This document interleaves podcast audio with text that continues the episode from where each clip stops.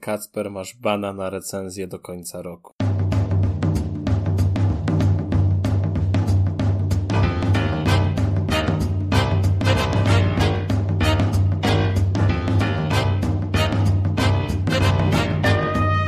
Czekajcie, ja sobie jeszcze muszę ubrać skarpety, bo mi zimno.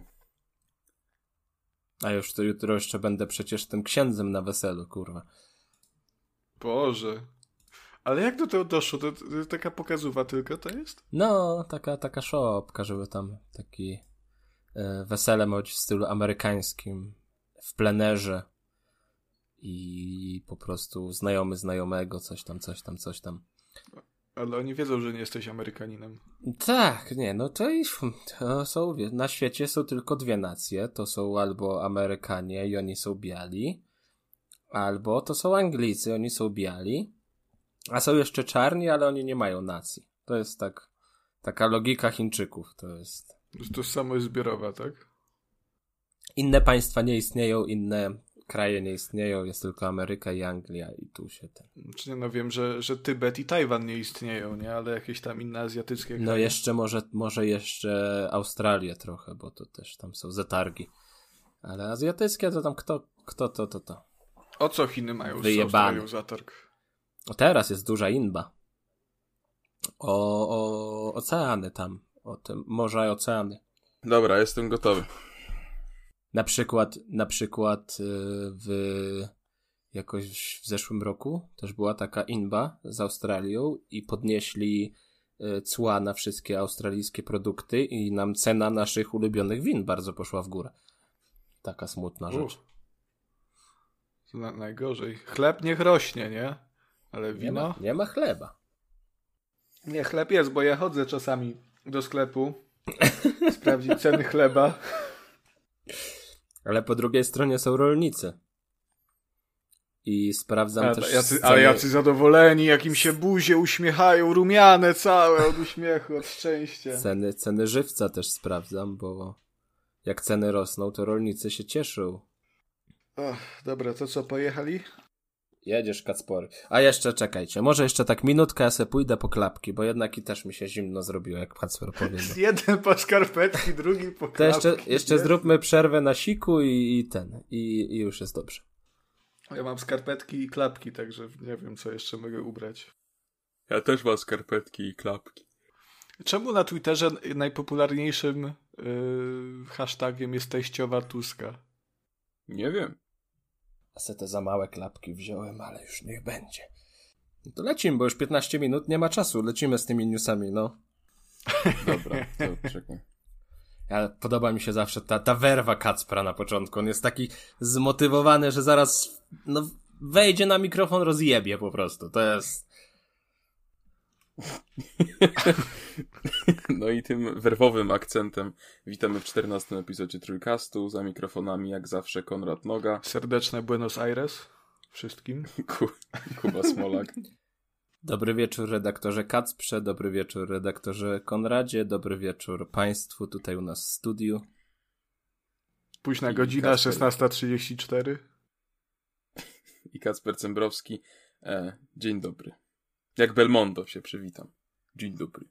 E, więc tak, zaczynamy z newsami. Wczoraj był naszego czasu nagrywkowego był Nintendo Direct. E, na Nintendo Direct e, zapowiedziano trochę ciekawych rzeczy. Będą nowe Joy-Cony. Uuu. A jakie kolory będą? Nie no, to, e, właśnie wiesz co, ja ich nie, ja ich nie widziałem. To No, ale- żart, Ale będą, będą! że Kon, Konrad tak Boże, to już, to już moje wcześniej. 30 joycony. Aż nie mam gdzie tego trzymać. E, a tak na poważnie, zapowiedziano nowe Kirby e, o, o tytule Kirby and the Forgotten Land e, i wygląda całkiem ładnie. Mi się podoba, chociaż szczerze powiem, że te Kirby z y, 3DS-a bardzo średnio mi siadły. W tym roku skończyłem Planet Robobot i wynudziła mnie ta gra niesamowicie. Pierwsze dwie godziny były fajne, ale im dalej w las, tym gorzej. Chociaż ten e, nowy Kirby, tak na zwiastunie, wygląda jakby był takim trochę w pół open worldem i, i całkiem to jest zachęcające według mnie. No to wygląda trochę jak z The Last of Us. Bo ty, Znaczy, tytuł, na, na pewno ta rozgrywka jest Kirby and the Forgotten Land, bo tak się ta, ta gra nazywa, no ona tak, jest osadzona w takim pseudo-postapokaliptycznym... Język mi się plącza. Jest osadzona w takim pseudo-postapokaliptycznym świecie właśnie. Nie, no ale tak poważnie. No, bo ja poważnie mówię, no zobacz sobie, no błagam. No nie wiem, czy no to przecież to wygląda jak The, The Last of Us, no na, na tym, na trailerze Kurwa, wychodzi... No początek trochę jak Crash Bandicoot na tym trailerze, bo się budzi na plaży, ale no potem idzie i wbija Kirby i, i, i masz te wieżowce porośnięte trawą. Oj, to już, to już, to już bardziej ten, ten Nier. chyba z Nirem. No. No, o, o! Nie Nir. Myślą, no i nawet błagam, grafika, jak grafika taka chujowa też jak w Nirze. Kurwa, nie obrażaj mi tu Nira.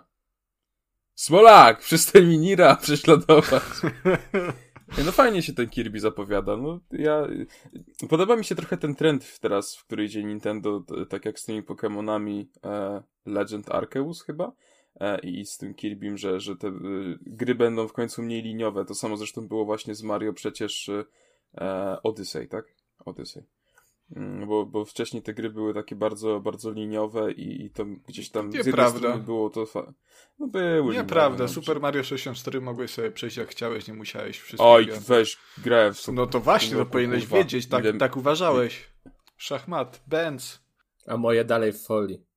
Ileż mnie to nerwów kosztuje. A w ogóle to oskamowali nas, bo ostatnio byłem w BD Ekspercie i cały czas można kupić w pudle to, to w, no, te, te trzy stare, nie pamiętam, 3D All Stars chyba to się nazywa. Ja, Ale miałeś... Więc... do góry. Jaką miałeś okazję nie, to jest kupić? Taka Je... Nie kupiłeś tych wszystkich kopii, co mieli na stanie? Nie kupiłem. A, zjebałeś. A, zjebałeś. No. Ale dobrze, no w każdym razie e, Kirby to jest świetna postać. E, gra ja, ja się z nią bardzo, fajnie. bardzo utożsamiam się z tym Kirbym, bo to jest e, osoba, która po prostu chodzi i je. Ale o, o Kirby nie pije kuflowych. Ja nie piję, dzisiaj mam, teraz sobie piję pytanie kolego o kocim. Uuu. Mocne, dubeltowe, właśnie bardzo fajne eee, piwo. to dzisiaj na bogato. Czekaj, ale po, bardzo po dziesiątym piwo, jest? mocne, dubeltowe, nie. polecam. Nie, co? Myślałem, że po dziesiątym może, że wypłata, że o kocim, a to jednak...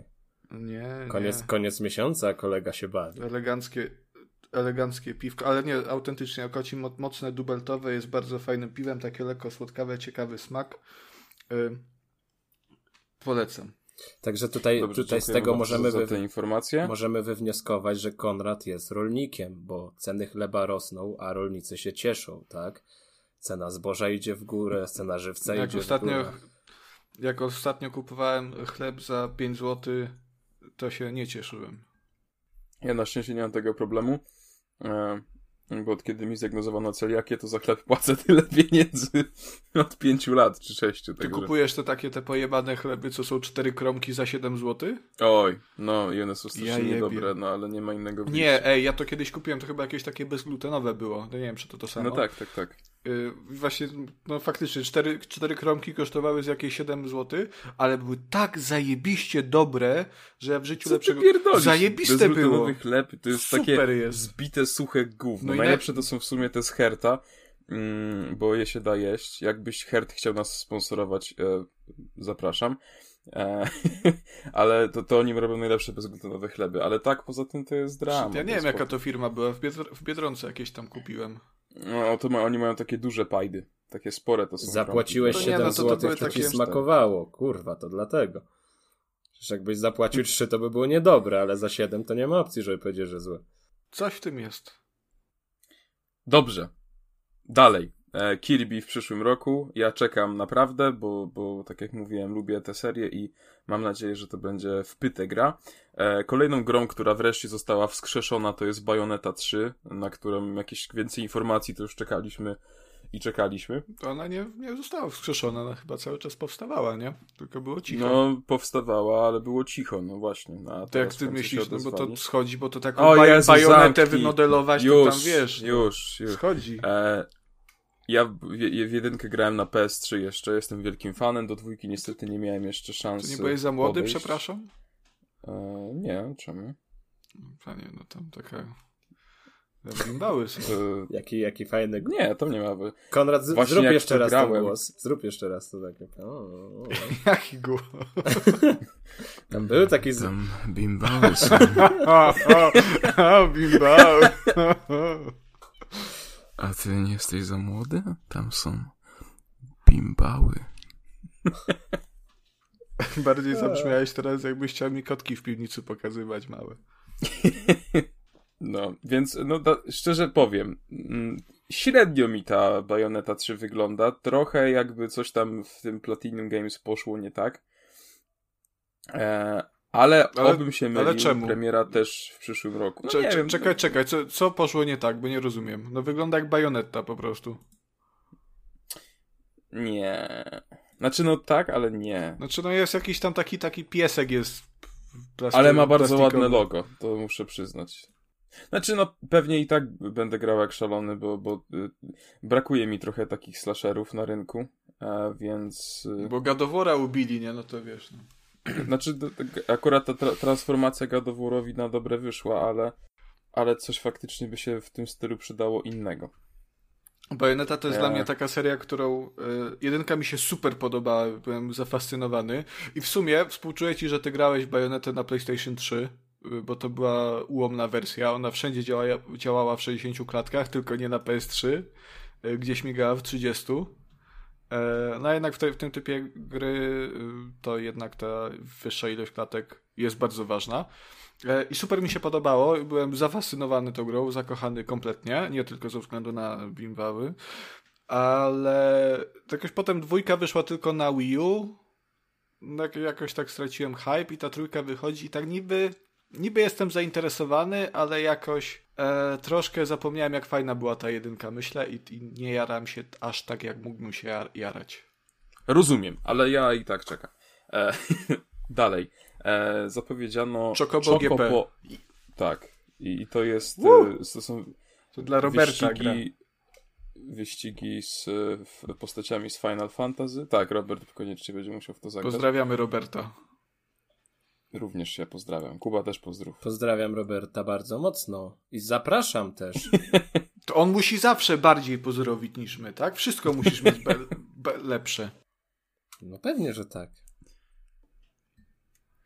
No i co? No wygląda to dokładnie tak samo jak, jak Mario Kart, jak e, Crash Team Nitro Fuel Racing, e, coś tam. Wygląda tak samo jak te wyścigi sonikowe. E, więc no... Premiera też w przyszłym roku. Ja bym pewnie to, za, to, to sprawdził, gdyby nie fakt, że e, pewnie będzie to kosztować 250 zł, jak wszystkie gry na Switcha. No, A jednak będzie. e, w- wolę, wolę kupić Mario Kart 8 za tam 180 czy 70 A ty w ósemkę już nie grałeś? na promocji. Nie, ja grałem, ja w siódemkę, siód- siódemkę przeszedłem w tym roku na 3DS-ie. E, ósemkę grałem tylko chwilę, jak byłem u Bartka Gabisia. Też pozdrawiam, ale no się pozdrowienia robią. Pozdrawiamy Em, Bartka. I Ja pozdrawiam Bartka bardziej. wtedy. No przestań, cholera jasna. I pamiętam, że wtedy właśnie w stanie e, już takim lekkim, lek, lekkiego podpiciem namawia mnie, żebym kupił ósemkę, ale, ale nie dałem się złamać. Kupiłem za to, za to kurwa kupiłem Wii wtedy, nie? Dwie godziny później. Nie, do, nie dosłyszał. Także no. Chyba z twojego złego to już, to już lepszy był ten Mario Kart tamtego dnia, ale. Nie, czy nie? Wii, bła- błagam. Wii ci otwiera wrota na całą y, gamę fantastycznych y, gier, na których nie dostaniesz na innych platformach.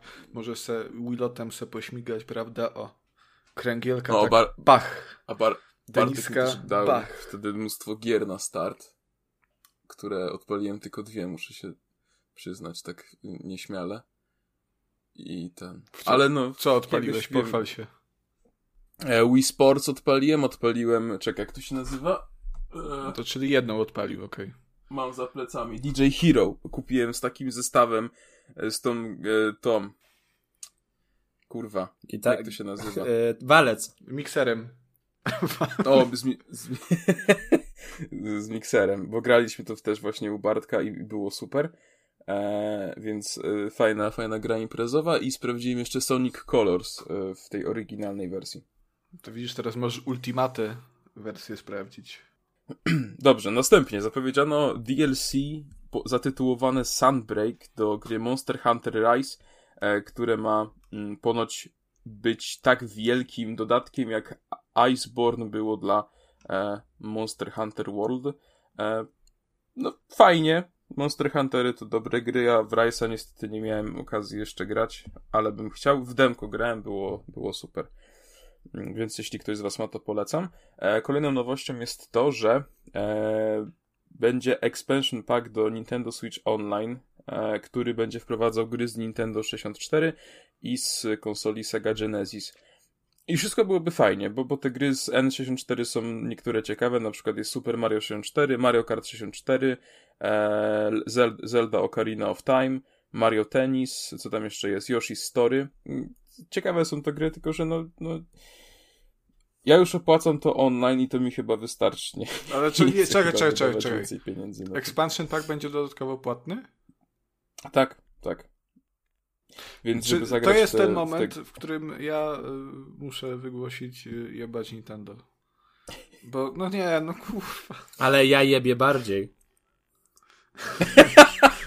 Nie, nie, to możesz mocniej, wiesz? Moc. Dobrze.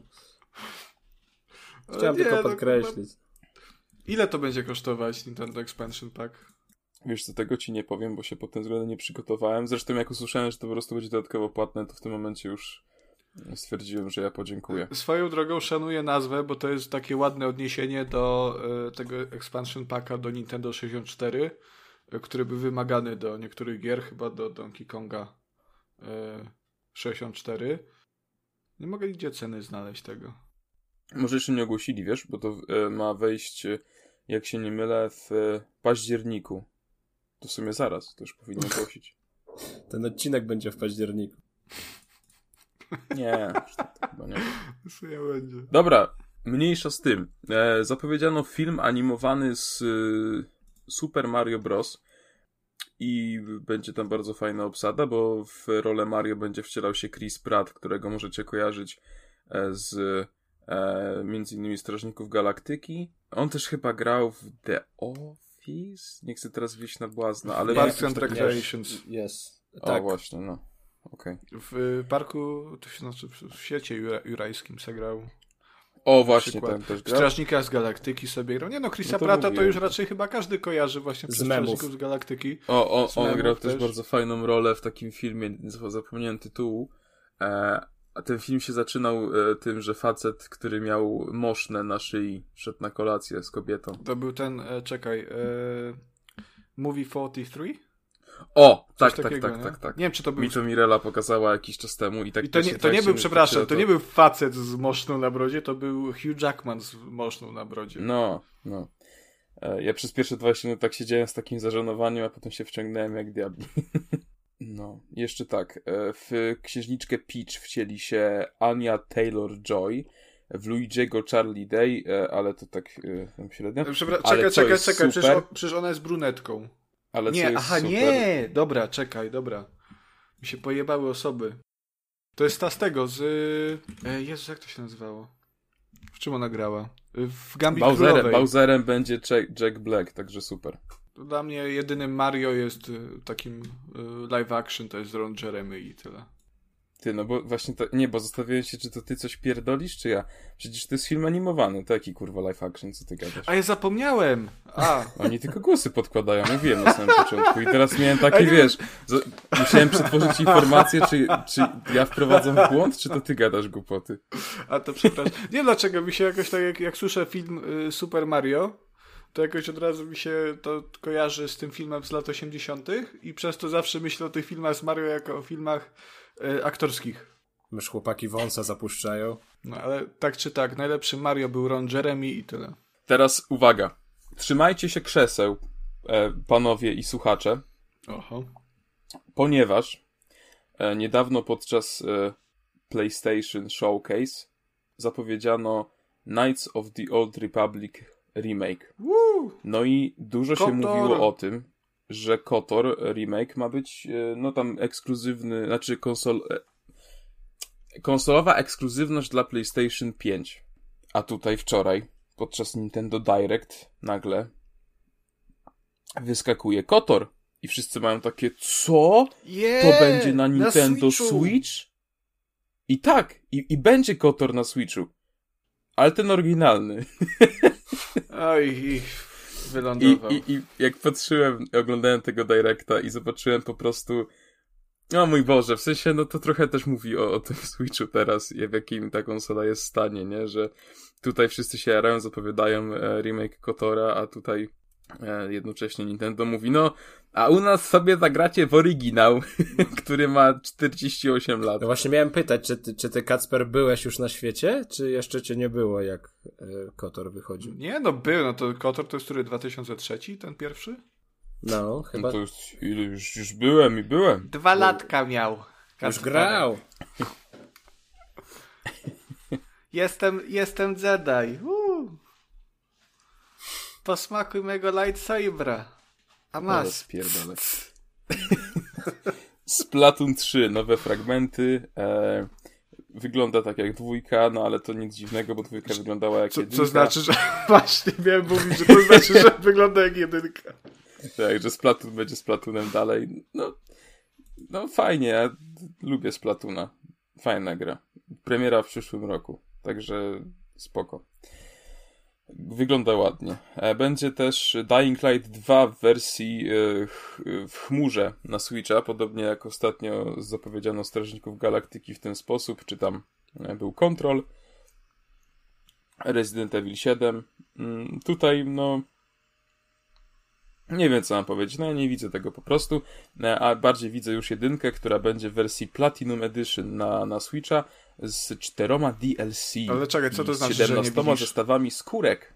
Co to znaczy, Także że nie z- widzisz Dying Lighta 2 i tych, tej reszty w chmurze?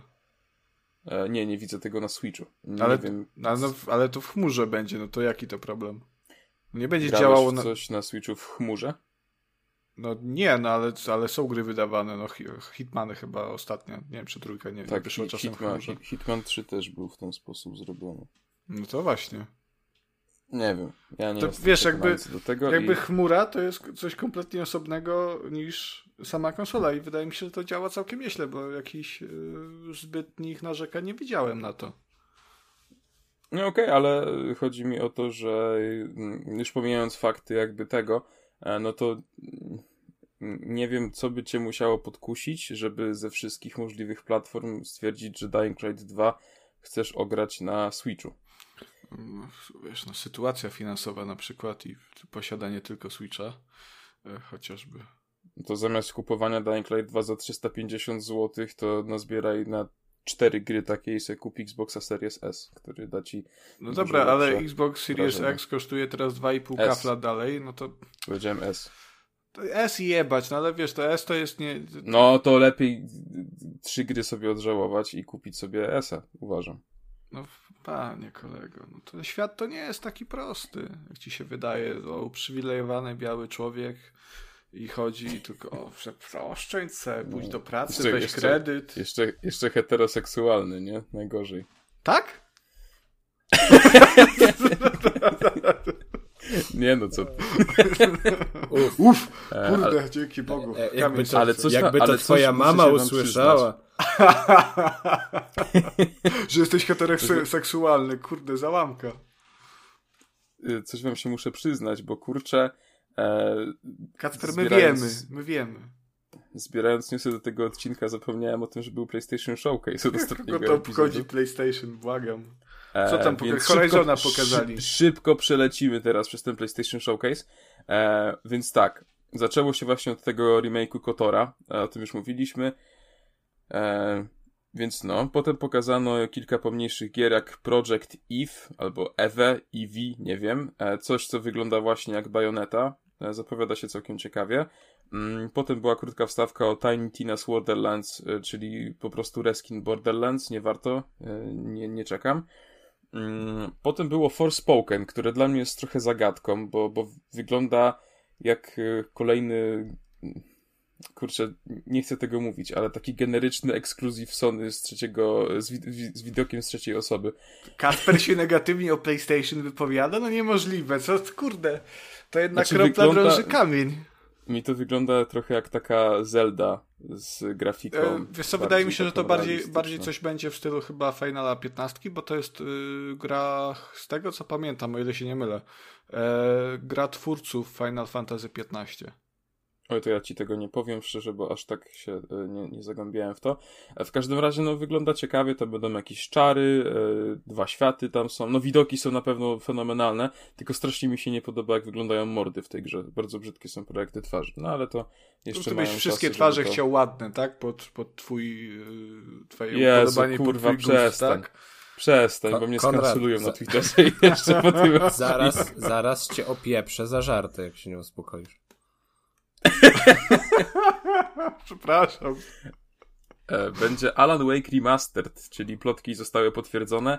E, Będzie też na PlayStation, o dziwo, e, i fajnie, ale co jest jeszcze fajniejsze, e, to jest to, że będzie na premierę kosztować w Polsce tylko 99 zł.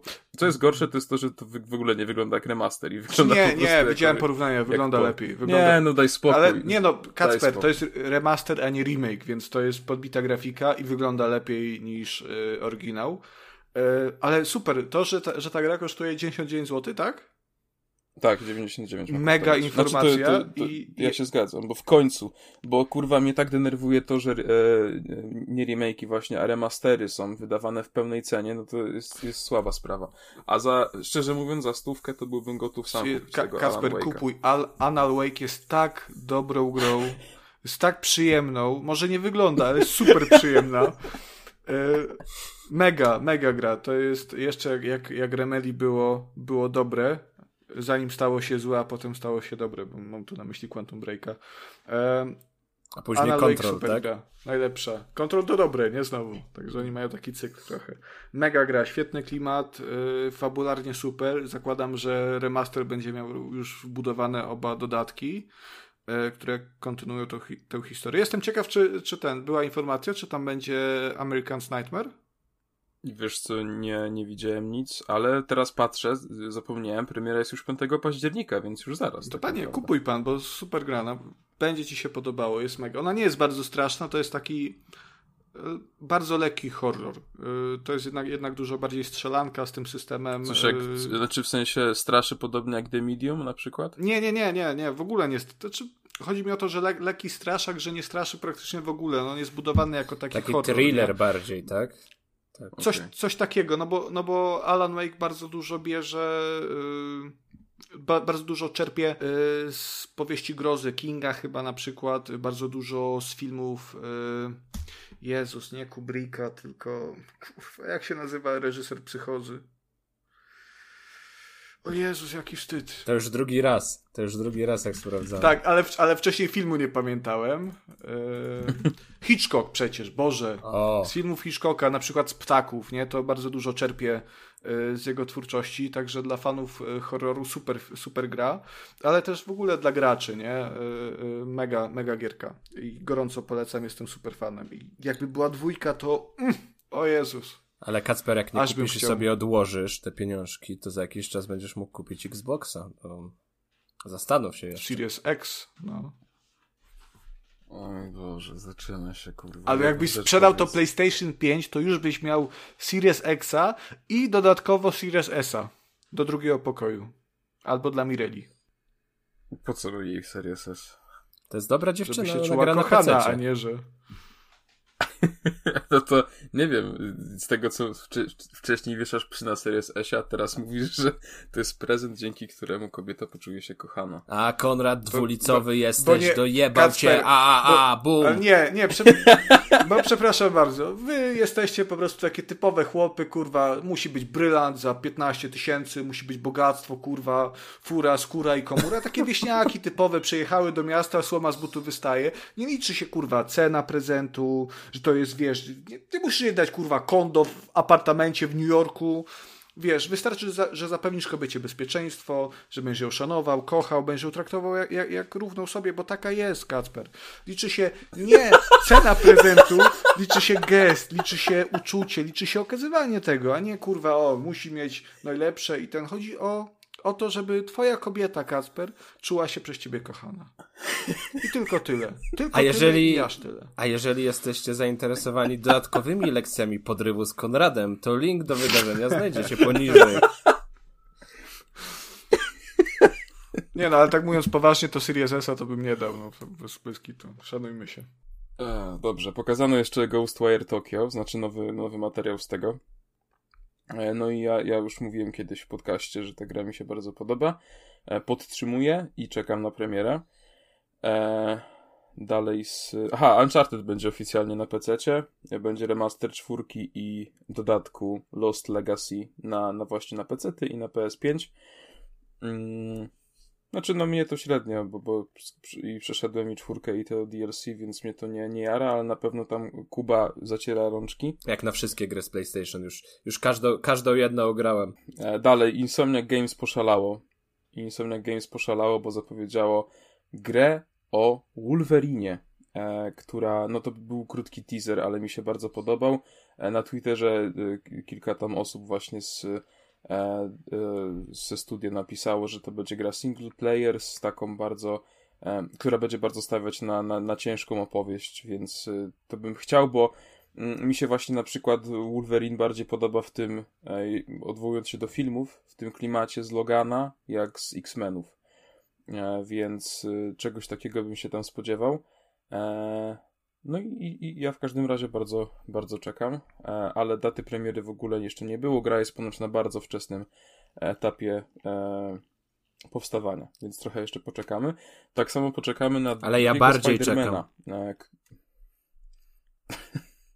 Kuba jeszcze na pierwszego Spidermana czeka. Pierwszy Spider-Man w końcu doczekał się pełnoprawnej e, kontynuacji, ponieważ Miles Morales to był tylko taki spin-off, jak wiele osób się myliło podczas premiery, bo tam ludzie właśnie przeczyli, że o taki krótki sequel, a to nie był sequel, gówno, to był tylko taki dodatek. E, w każdym razie, no, w dwójce będzie e, i Peter Parker, i będzie Miles Morales, i oni będą łączyć siły w walce z Venomem, także zapowiada się fajnie. Trzy głośne ksywki, e, nie wiemy jednak nic więcej. Premiera dopiero w 2023, o ile nie zostanie przełożona. E, no i na sam koniec, e, aha, tam jeszcze był wcześniej pokaz Gran Turismo 7. E, no ja Jeździły nie jestem samochodziki, fanem, no i tyle. e, No, a brum, O, samochodziki i tyle, a A teraz sam koniec- zacznij temat z Forzą najnowszą i Konrad będzie o samochody. Jezus, jak ona dobrze wygląda! Ale bym jeździł po tym Meksyku. Masakra. Na koniec pokazano God of War Ragnarok y, i będzie grubo, No. bo będzie Kratos, Ej, ej, będzie nie, nie, nie, Atreus, no bez przesady. Ja będzie... wiem, rozumiem ten żart, Kasper, ale no nie. Przywołuję cię do porządku. Że Że co, że będzie- Thor jest gruby, tak, że kurwa? będzie grubo. Nie o to chodzi. No, Thor Znowu był, zaczynasz, kurwa, znowu zaczynasz? Ale Będzie Thor bardzo Thor, fajnie będzie- wygląda. i będzie Tyr i, i będzie fajna fabuła i też ma być to ostatnia część w e, mitologii nordyckiej. Jest! E, potem Kratos... Może potem Kratos Kratosa nie będzie w końcu. Nie, Kratos się przeniesie gdzie indziej po Kurwa, prostu. będzie teraz, wiesz, z Wiedźminem będzie biegał, z Geraltem tam. A, kurwa, leszy. Assassin, A! Assassin Kratos będzie. Ty, ale jakby zrobili God of War'a w mitologii właśnie tej naszej, Stary, to ale by było coś. wiesz, bo ja nie mam problemu z innymi mitologiami w Gadoworze. Jak najbardziej nordycka mi się super podoba. Super mi, by mi się podobało, jakby tam zażynali tych bogów, wiesz. Yy... Kurwa, jak to się nazywa tych naszych słowiańskich. Jakichś tam innych, celtyckich, jakichś tam, no, Peruna na przykład, tych hinduskich, jakichś tych japońskich, tych, nie, z mega, róbcie tak, tylko kurwa dajcie Kratosowi wytchnąć, bo on mi Ale najbardziej... tym- dlaczego? Co ty chcesz od Kratosa? Przecież to jest Bo właśnie... ten świat przez to nie ma sensu. To jest potęga tej serii właśnie. Kratos Gówno. jest zajebisty. Gówno, jest zajebisty, Tym ale bardziej- można stworzyć kra- nowego bohatera, który Ale, będzie tak samo ale zajebisty. po co? Ale tym bardziej, że właśnie przecież narracja w nowym God of Warze jest taka dobra przez to, że Kratos takiego e, e, ruchacza z, z zimną krwią, Z Konrada, nazwijmy to po imieniu, tak? dookoła i nogi odcinał bogom, żeby sobie ich szybkie buty wziąć, przeszedł w ojca, który płacze po żonie, Gówno, który nie, stara się, prawda. Chu- stara chuj. się dopilnować Chuj, swojego tak syna właśnie, i go tak nauczyć. właśnie grasz w gry i tak rozumiesz kurwa Gadowora. Nic kurwa o Gadoworze nie rozumiesz. War to od pierwszej części była gra o kurwa zrozpaczonym O ojcu. stracie, no tak, bo No tak, jest no, taki ale smutny, tak. bo sam w szale zajebał swoją rodzinę. Gówno. Który... Gówno w Ale jedynce... potem przez, przez trzy części, ale bez, przez trzy spoilerów. części i dwa spin-offy na PSP był cały czas takim zimnym chujem. Dopiero w, w wersji z 2018 roku dojrzał. Gówno! I to jest kurwa fajne. I Gówno! zapuścił brodę Dupa- i wygląda zajebiście. dupa, I to jest kurwa cycki- najlepszy God of War. Nie. Dupa, trójka Skończyłem rozmowę z tobą. Panie, skończyłem w rozmowę jedynce, w pier- Skończę, W skończyłem rozmowę pierwszym, z tobą w pierwszym chwili. gadoworze miałeś mechanikę w koszmarze, do którego cię wysyłał Ares i w którym widziałeś swoją córkę i, swo, e, i swoją żonę i musiałeś ją bronić przed e, samym sobą, przed atakującymi jak, jakby duplikatami Kratosa i tam Dobra, była, gadu, tam była mechanika, słuchaj, nie, Mogę, mo- nie, nie gówno. mogę przejść dalej, czy będziesz mordę dar dalej? Mówią dorośli teraz, ja ci opowiem o, o gadoworze. I była tam mechanika, że mogłeś podejść do nich i trzymając yy, kwadrat bodajże mogłeś ich przytulić i oddawać swoje własne życie im, żeby, żeby Oj, przywrócić im słodko. życie. Rozumiesz? I to było, to było życie, takie małe rzeczy. Gadow od, od początku wiesz, jak ty taki. teraz, wiesz, jak ty teraz brzmisz, jak Jabłonowski, kurwa. Byłeś w wojsku? Polaku? Zaraz ci... Powiedz mi. I to nie ma teraz znaczenia, że jesteś daleko ode mnie. Byłeś w wojsku? Mój bagner, ja tu mam... To ja teraz, to ja teraz chyba wiem, dlaczego na naszym YouTube'owym kanale mamy takie polecane filmy, a nie inne. E, Chyba właśnie trafiłem do genezy tych dziwnych, dziwnych miniaturek, które się tam wyświetlają. U nas na YouTubie są albo, albo jabłonowscy, albo kiepscy, bo Kacper się zawsze zapomina przełączyć na... Kurwa, wiesz co, wiesz co, wstydziłbyś się. Wstydziłbyś się. Jako jedyny korzystasz z tego i jak wejdziecie w, hi- jak, jak wchodzę w historię, k- co było oglądane na tym kanale, to jest kurwa Makłowicz, Jabłonowski, Kiepscy i tam czasami jakieś trailery omawianych gier w odcinku, nie? I to wszystko. Ale ważne, że Makłowicz pierwszy, to jednak szacunek. Dobrze, e, czyli e, generalnie finalne wnioski są takie, że God of War 2018 roku jest najlepszy i Ragnarok też będzie super. E, Czekam przechodząc też. dalej, e, Dying Light 2, e, no, Żotyn się nie spodziewał, zostanie przełożone. Naprawdę, normalnie, kurczę, jestem w wielkim szoku, bo byłem pewny, że w tym grudniu wyjdzie. E, kolejna data jest na 4 lutego, więc to i tak trochę wcześniej. Ja się obawiam, że jeszcze raz to, to będzie, chociaż Techland napisał, że mm, prace nad grą zostały skończone, ale tam testy trwają znacznie dłużej niż e, pierwotnie zakładali, więc trochę trzeba dłużej poczekać. Mam flashbacki z te- sytuacji, jak ogłoszono, że Cyberpunk e, osiągnął złoty status. Już jedzie do tłoczni, już wszystko przełożony, jest elegancko. Żadnych patchów już nie będzie. Gry lecą już na półki, nie? przełożony został także Battlefield 2042, który zostanie, został przesunięty na 19 listopada, e, więc tam o, jakoś tam około miesiąc. Mm, No i tutaj nie ma w sumie nic więcej do powiedzenia. Kacper jest obrażony E. dalej na Battlefielda. Ja nadal, tak dalej mam focha, ale bym zagrał, ale mam focha. E, To jest No taki i, e, foch, ale jak ładnie poprosi, To jest takie- może to jest- mm. Kacper ma takie uczy, takie jebać Battlefielda, ale tak z miłością. Takie, e nie, nie za, nie, nie zagram. Oj, może trochę zagram. E, Skoro już wspomnieliście o Cyberpunku, e, to ja też wspomnę, e, ponieważ CD Projekt Red wypuścił łatkę 1.31, która usprawnia znacznie działanie Cyberpunka na PS4. Super. No to musisz, musisz sprawdzić i nam uhu. dać znać w, w najbliższym epizodzie. Redzi się nie poddają, także fajnie niech walczą. Ja wierzę, że ta gra w końcu będzie wyglądać dobrze. Czekaj, czekaj, bo jest, i- kończy się wrzesień, zaraz będzie październik, znam swoje miesiące. E, nie ma w ogóle informacji o dalej, o Cyberpunku, mówiliśmy chyba o tym ostatnio, o Cyberpunku na Next Geny, ale nie, też... nie, nie, była, była, Była? informacja. Kiedy? Tak. Oni niedawno dali, e, wiesz co, z dwa czy trzy tygodnie temu dali oświadczenie e, w sprawie next-genowych update'ów i do Cyberpunka i do Wiedźmina 3. E, I napisali w nim, że mm, planowali i nadal planują, żeby jedno i drugie się ukazało do końca tego roku, ale nie obiecują tego, bo są możliwe prze, przesunięcia, z tego względu nie podają daty premiery. E, Natomiast e, prace trwają a co jest w ogóle ciekawe a propos jeszcze Wiedźmina 3, to wersja next-genowa jest w połowie opracowywana przez CD Projekt, a w połowie przez to studio, co zrobiło port Wiedźmina na Switcha, czyli chyba s, Saber Interactive, żebym się nie wygłupił teraz. No to spoko.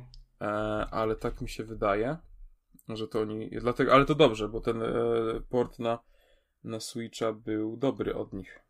Znaczy, wiesz, no to ten port na Switcha, to, że on w ogóle działał tam i że działał też tak dobrze, to świadczy o ich kunszcie, nie? No, no teraz, właśnie, no to mi chodzi, teraz zdecydowanie łatwiej będą mieli, no nie oszukujmy się. Eee, no ale to, to właśnie. To no. I, i... Przegapiłem tę informację. Ale, to ale ja się cieszę, w sensie bardzo, bardzo dobrze, że CD Projekt wreszcie mówi w ten sposób, a nie znowu, wiecie, rzuca słowa na wiatr i mówi, no będzie w październiku, no bo nie wiadomo, czy będzie. Lepiej faktycznie, jak już mają wydać ten next genowy update, to żeby wydali go rasa dobrze mhm. i żeby faktycznie po prostu ta gra, y, jak odpalę ją na PS5, to żeby mi po prostu klapki spadły, nie? Mam taką nadzieję. E, A nie, dobra, nie, wiem, ostatnim... nie wiem, czy to się uda do, do takiego stanu doprowadzić. Um, wydaje mi się, że max to dostaniesz, to to, że się nie wkurwisz na początek, a żeby tam jakieś były zachwyty, to, to, to jakoś ciężko mi sobie wyobrazić ten, to znaczy, no, to, to ilość pracy, ile tam jeszcze trzeba wsadzić w to. Na next genach ta gra od momentu premiery jest w takim stanie, że nie wkurwisz się jak ją włączasz, bo po prostu działa płynnie i wygląda ładnie, nie? między innymi przez rozdzielczość, nie? E, natomiast ten next gen, next gen update e, byłby potrzebny, mm, żeby się faktycznie tą grę zachwycić e, i żeby jak ją włączasz po raz pierwszy na tym Xboxie Series X, na tym PlayStation 5, to żeby ci te majtki tak spadły, fikołek w powietrzu i dopiero wtedy wylądowały. No ale wiesz, jak ja odpalałem no. na PC, to trochę spadły jednak. Na, na początku. No nie no, wiesz, ta gra wyglądała dobrze, ona wyglądała dobrze nawet na tych nowszych konsolach y, we wstecznej kompatybilności. No ale no to dalej, no to Tylko później wychodziły się, że... te takie te, te braki, później się dopiero uwidaczniały. Tak, no przede wszystkim to, że, że obecnie ta gra na konsolach nie ma ray tracingu, nie? który no jednak te konsole obsługują, że ona momentami wygląda no biednie, no przydałby się ten update, e, ale też myślę, tak szczerze powiedziawszy, że jeżeli ktoś chce zagrać w Cyberpunka, e, a ma Series X albo, albo PS5, no to jednak nie czekałbym na ten update, no bo troszkę wydaje mi się, że nie ma sensu. No, ale ja wam się muszę przyznać, że tak czasami jak mi gdzieś na Twitterze albo na Instagramie mignie jakiś screen, e, nie wiem, portret postaci, jakiś tam Panam, coś mhm. się pojawi, albo ten, e, ten, ten, ten, ten, ten Japończyk, ten e, K. Jak on się nazywał? Nie pamiętam. No wiesz, który, tak? Ten główny. Ten, ka, ka, ka, ka, Kanamura? Kame... Ta, ten, ten, no, no, ten taki z włosami, no, taki te, tymi. Z długimi włosami. czarne no. włosy, tak, tak, no. tak. No to czasem jak te postacie gdzieś główne z Cyberpunka mi się przewinął yy, w internecie, to tak zatęskni mi się i tak no, w sumie to może bym no tak. zagrał. Bo przede wszystkim przez to, że scenariusz był tak dobry, nie? Może sama gra miała sporo niedociągnięć, ale scenariusz tam był...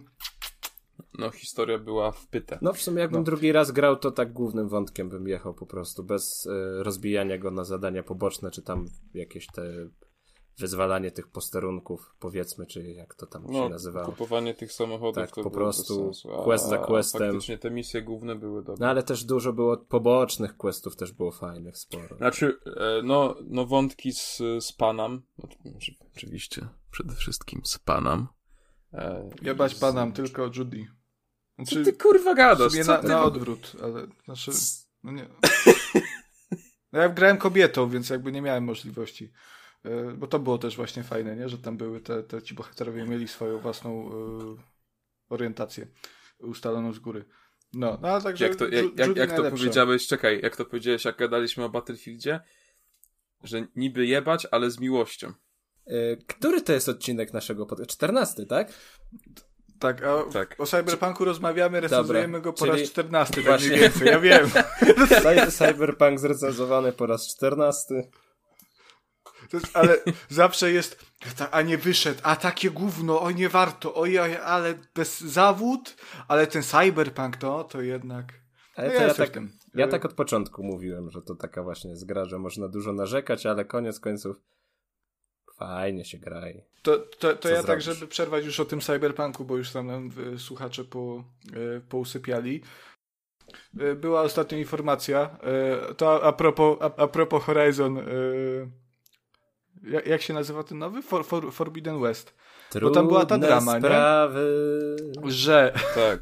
Ale no, to jest oni... ważny news akurat. To jest tak śmichy chichami i to jest ważny i bardzo nieprzyjemny news i mi się bardzo to nie podoba. E, bo przy Forbidden West była drama cała, e, że gracze, którzy kupią e, tę grę na PS4 będą musieli dopłacić za wersję na PS5.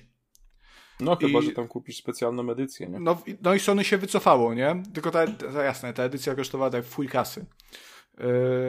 A to jest gra też first, first party, jakby nie patrzeć. Y, Sony po tym, jak się w internecie wylało wiadro pomyj na nich, y, no nawet nie jedna, a z kilkaset, y, cofnęło tą decyzję, ale wystosowało też informację, że no, bo jasne, te, ten upgrade miał być darmowy, ale tylko w tym oknie premierowym Y, PlayStation 5, które trwało tam chyba kilka miesięcy czy pół roku, więc no niestety no Horizon się już nie łapał i postanowiliśmy w ramach wyjątku y, dopuścić do, tej, do tego darmowego upgrade'u, ale już kolejne następne gry, które będą wychodzić w ten sposób, które y, będą miały premierę albo miały już premierę na y, PlayStation 4, y, no to tutaj no, już niestety Y, no tak nie będzie i trzeba będzie dopłacić. Dlatego trzeba dopłacić za y, Director's Cut y, Death Stranding, za Ghost of Tsushima. Powiedziano, że Gran Turismo 7 również będzie wymagało dopłaty do wersji na PS5. Także no, nie no, fajnie, for the players, faktycznie. Zajebisty ruch Sony, ekstra. Także Kacper, ja już swój segment jebania Sony i Nintendo w tym odcinku odhaczyłem, możemy kontynuować.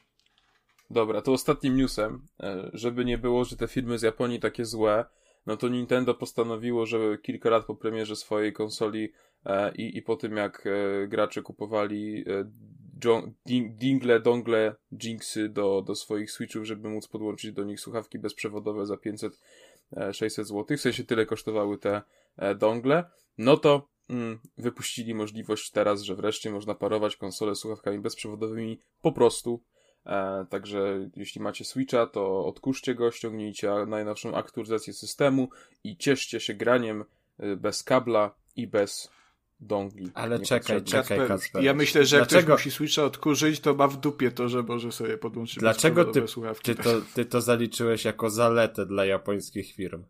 No bo wreszcie można. Ale to powinno być od początku. No to, oczywiście, że powinno. To jest tak samo A właśnie, a Vita to miała, Konrad, od początku. No, a PS4 no. przez całą generację nie potrafiło, nie pozwalało ci na zrobienie screena bez widocznego. Yy... Nie, nieprawda, to się dało wyłączyć. Ale to musiałeś całe powiadomienie wyłączyć. Bo cho nie, chodzi. Się... Dobra, bo nie, czekaj. Da, dało daj, się mi, daj mi powiedzieć słuchaczom. o screen. Jest, aby się kłócił cały odcinek ze mną. No, ja nie mogę. no bo ty wiesz co, zamiast po prostu iść dalej, to, to Ale o tym też nie mówiliśmy, bo PlayStation 5 teraz oferuje, y, Sony łaskawie wprowadziło, widocznie nie skończyłem tego segmentu zjebania Sony. Y, PlayStation łaskawie wprowadziło y, możliwość robienia screenów bez łapania tego powiadomienia o zrobieniu screenów. W sensie, jeżeli robimy sobie serię zdjęć, no wszystko... ludzie wiedzą, no co ty... Ludzie wiedzą, może nie wiedzą. No, a na PS4 tego nie było. Wszyscy. Było, kurwa, oczywiście, że było. Nie Ej, ale musiałeś włączyć było... całe powiadomienie, o czym ty mówisz. Gówno prawda, w opcji jak wchodzisz w ustawienia, to miałeś w screenach możliwość, żeby wyłączyć po prostu powiadomienia. Tak, gówno, teraz na odcinku taki modry, ostatnio jak rozmawialiśmy przez telefon, to no nie było ci, głupie PlayStation, kurwa, o jakie było, oj, oj, oj. Mówiłem ci, że na czwórce to wyłączyłem E, tylko, że przez, na początku to było, a potem to wyłączyłem. A na PS5 ostatnio szukałem, nie znalazłem tego ustawienia, więc dalej mam tej kłamstwo. Jak tak słucham tych waszych konsolowych wojenek i przepychywań, przepychywań, nie, to inaczej. To po prostu Konrad jest dzieckiem z przedszkola. To, to no bo, mam wrażenie, no że jakby mnie wszyscy tak... grali na PC-tach, to by po prostu świat był lepszym miejscem. No. Mnie tak, nie, no. mnie tak wewnętrznie po prostu boli, wiesz, że ja nie mogę w tego Spidermana zagrać, dwa, co wyjdzie Y, w tego Ratcheta z Riftem. Ale to, ja, ale to ja wiem, że cię boli. Ale to, to podjedź sobie, podjedź sobie do Kacpra w który, gości. Który ty już odcinek płaczesz? Do, dam ci zagrać w Astros Playroom i zobaczysz w końcu dobre gry. A nie będziesz w tym Ferza, Ferza, Ferza. A jak się ostatnio The Medium zachwycał z Xboxa, które wypuścili rok później, no. PlayStation, jakie, po pierwsze, dobre, po, oj, po pierwsze nie rok, po drugie ta gra zyskała na tym, że wyszła na PS5, ponieważ twórcy bardzo ładnie wykorzystali możliwości DualSense'a i jak ten kontroler śmiga w tej grze, to jest po prostu o! Więc żałuj, bo ten twój pad od Xboxa nie ma takiego czegoś. Y, no nie, ja akurat pada od Xboxa Series X bardzo nie lubię, bo on jest po prostu padem od Xboxa One z dodatkowym przyciskiem, więc to jest taka trochę chujnia, nie? Ale no... Mm. Cóż, DualSense'a bym bardzo chętnie wypróbował. Kup, kup sobie tego pada Elite za 800 zł. No nie no, jeszcze mnie nie pojebało, nie? No tak samo, żeby PS5 kupować za trzy kafle, bo ostatnio się pojawiły takie bundle. Super. Dobra. Jedź Kuba z indykami i Ja to w ogóle się trochę czuję Czuję się trochę zastraszony. Ja teraz siedzę tutaj w pokoju w kącie. Czekaj. Ja już mam dosyć tych, tych krzyków, tej wulgarności. To tylko przekleństwa bo... są, awantury, jakieś inne Kuba, ale czy ja ci mogę przerwnąć, bo ja no mam No oczywiście, no jeszcze mi przerywasz. Ja tu już tak wyznaję strachy ja jeszcze... swoje. Ja... ja mam jeszcze jednego newsa z segmentu jebania. I o, mówiłem o tym przed odcinkiem, Kasper mi nie dał się powiedzieć, bo to jest jawna dyskryminacja yy, graczy Xboxowych przez e, graczy i prowadzących posiadających e, PlayStation 5. Ile ty mi dzisiaj już dałeś zarzutów? Z dwa. Ja chciałem. Po... dwa. Je, je, nie, jak to. Czekaj, byłem już homofobem. E, potem byłem heterofobem. Nie, ale ja ci, ja ci żadnych tam łatek nie przypinałem, ja ci upominałem tylko grzecznie. E, chciałem powiedzieć... A potem jeszcze było, że nie kocham, nie, nie, że nie potrafię kochać i okazywać miłości. No mi, no mi nie okazujesz, no. Mi nie okazujesz. We dwóch zostaniecie, ale... zostaniecie po podcaście w kozie. To jest... E, no, bo chciałem powiedzieć jeszcze o tym, że y, razem z Nintendo i Sony to powinno się jeszcze jebać Rockstara z bólem serca to mówię, e, bo Rockstar to jednak GTA, moja ukochana seria, e, która mnie jednak wy... Rockstar, wiesz co, najlepszy jest ten niebieski. Konrad miał chyba... Nie, nie, nie lubię Blueberry, ja, ja wolę tego takiego y, o smaku, tego, tym klasycznym takim. On smakuje troszkę jak Red Bull właśnie. Jest, nie, jest nie, nie, ten niebieski jest najlepszy nie, z Rockstarów. Nie, jest najlepszy, jest najlepszy. Y, w każdym razie Rockstar Games ostatnio y, fajnie szaleje, bo tak jak ostatnio na dwunastym odcinku chyba o tym rozmawialiśmy, e, że zapowiedzieli znaczy no, nie zapowiedzieli, no tam się pojawiły te plotki o zremasterowanej trylogii i trójki Vice City i San Andreas, mm, to przy okazji tego e, Rockstar stwierdził, Rockstar Games, żeby Kasper mnie nie łapał za słówka, e, stwierdził, że jeszcze będzie prześladować moderów, którzy od lat tworzyli modyfikacje do oryginalnych wersji tych gier, także mm, poda, Rockstar Games podało, czy, już nie wiem, czy Rockstar Games, czy Take-Two, jeden ciul tak naprawdę, e, podało do sądu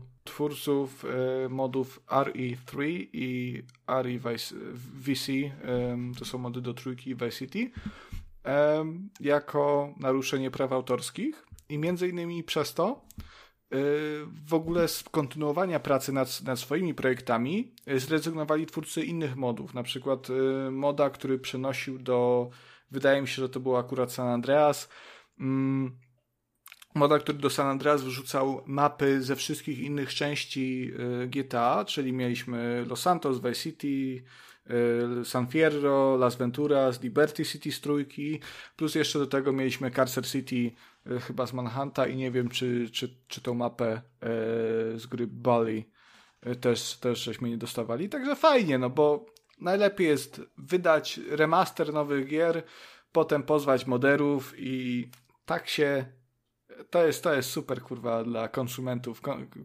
consumer friendly, także mm.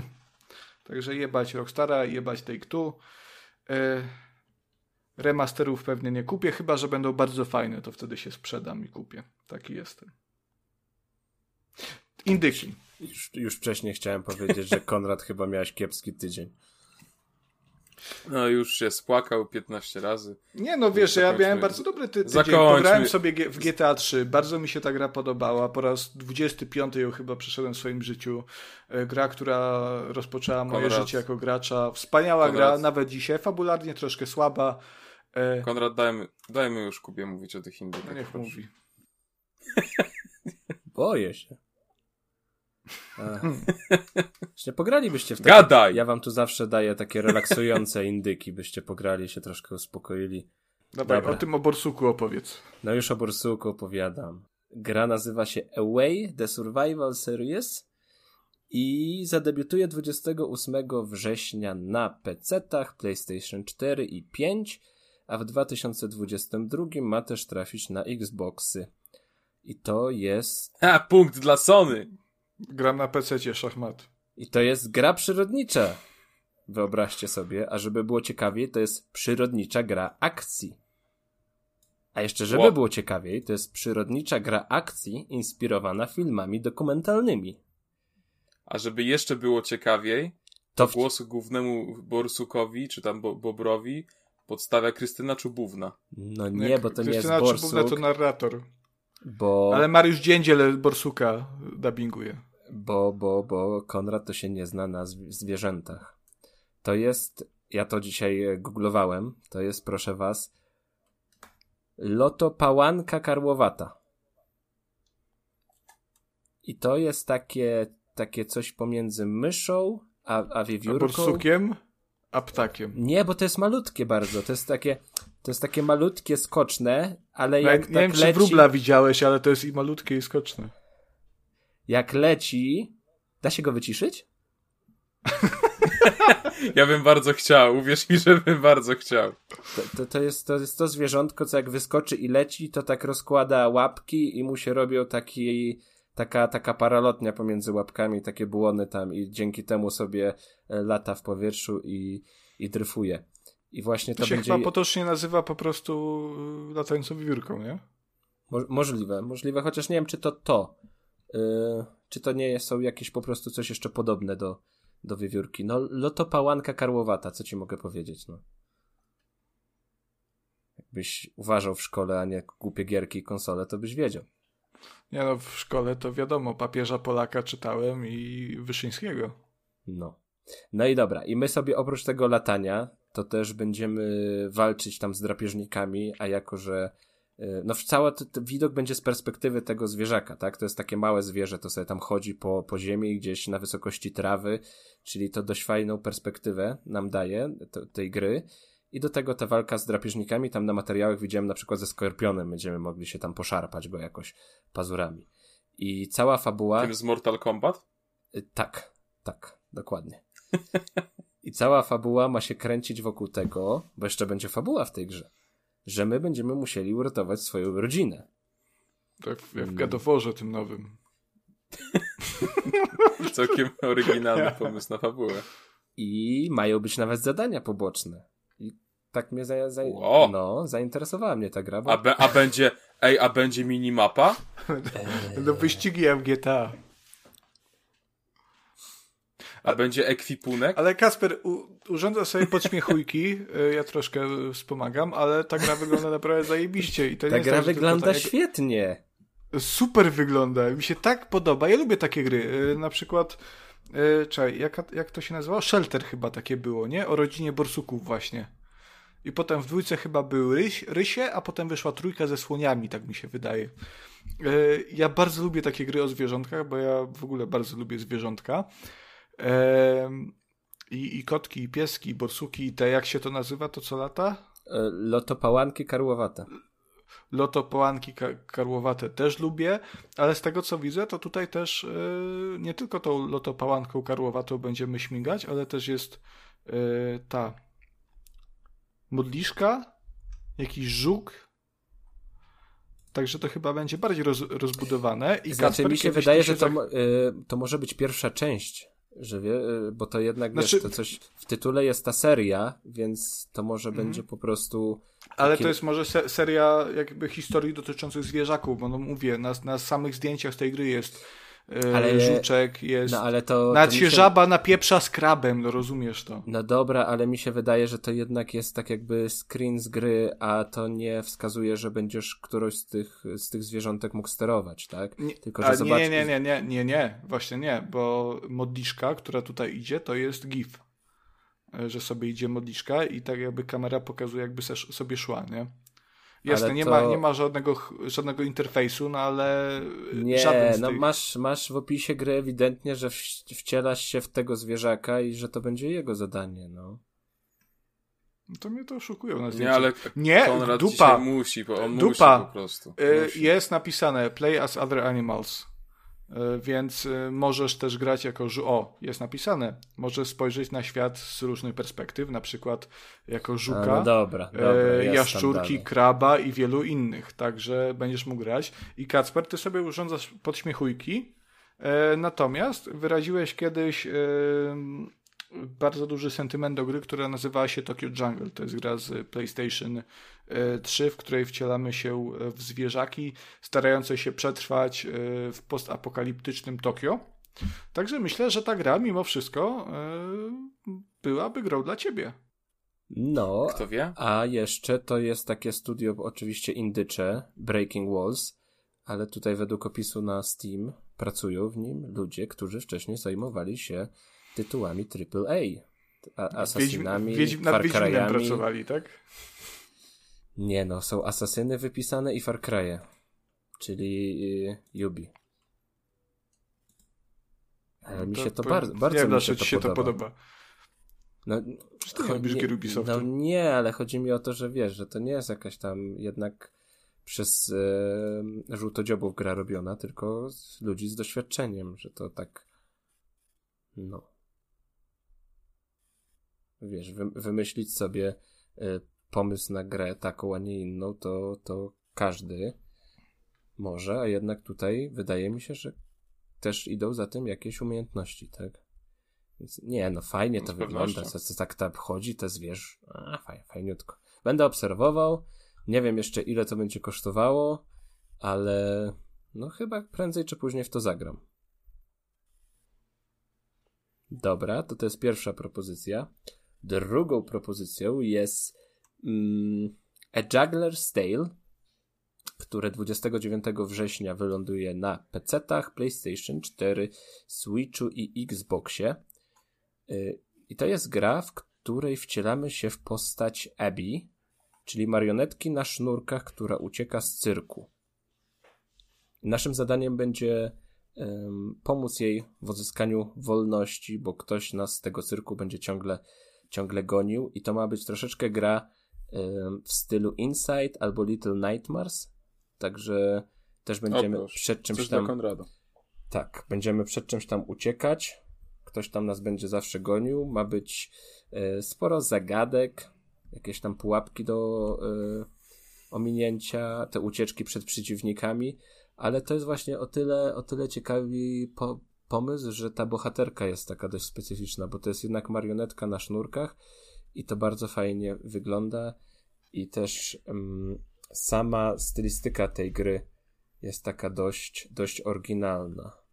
Jest takie troszeczkę... Mi się podoba też to, że tutaj wszystkie, wszyscy rywale też są, znaczy rywale, nie wiem, tak wnioskuję po, e, po tym, co powiedziałeś, jak patrzę na trailer, ale wszystkie inne postaci w grze są też na tych sznurkach. No właśnie to tak to, wygląda jakby to było w, w teatrzyku, tak?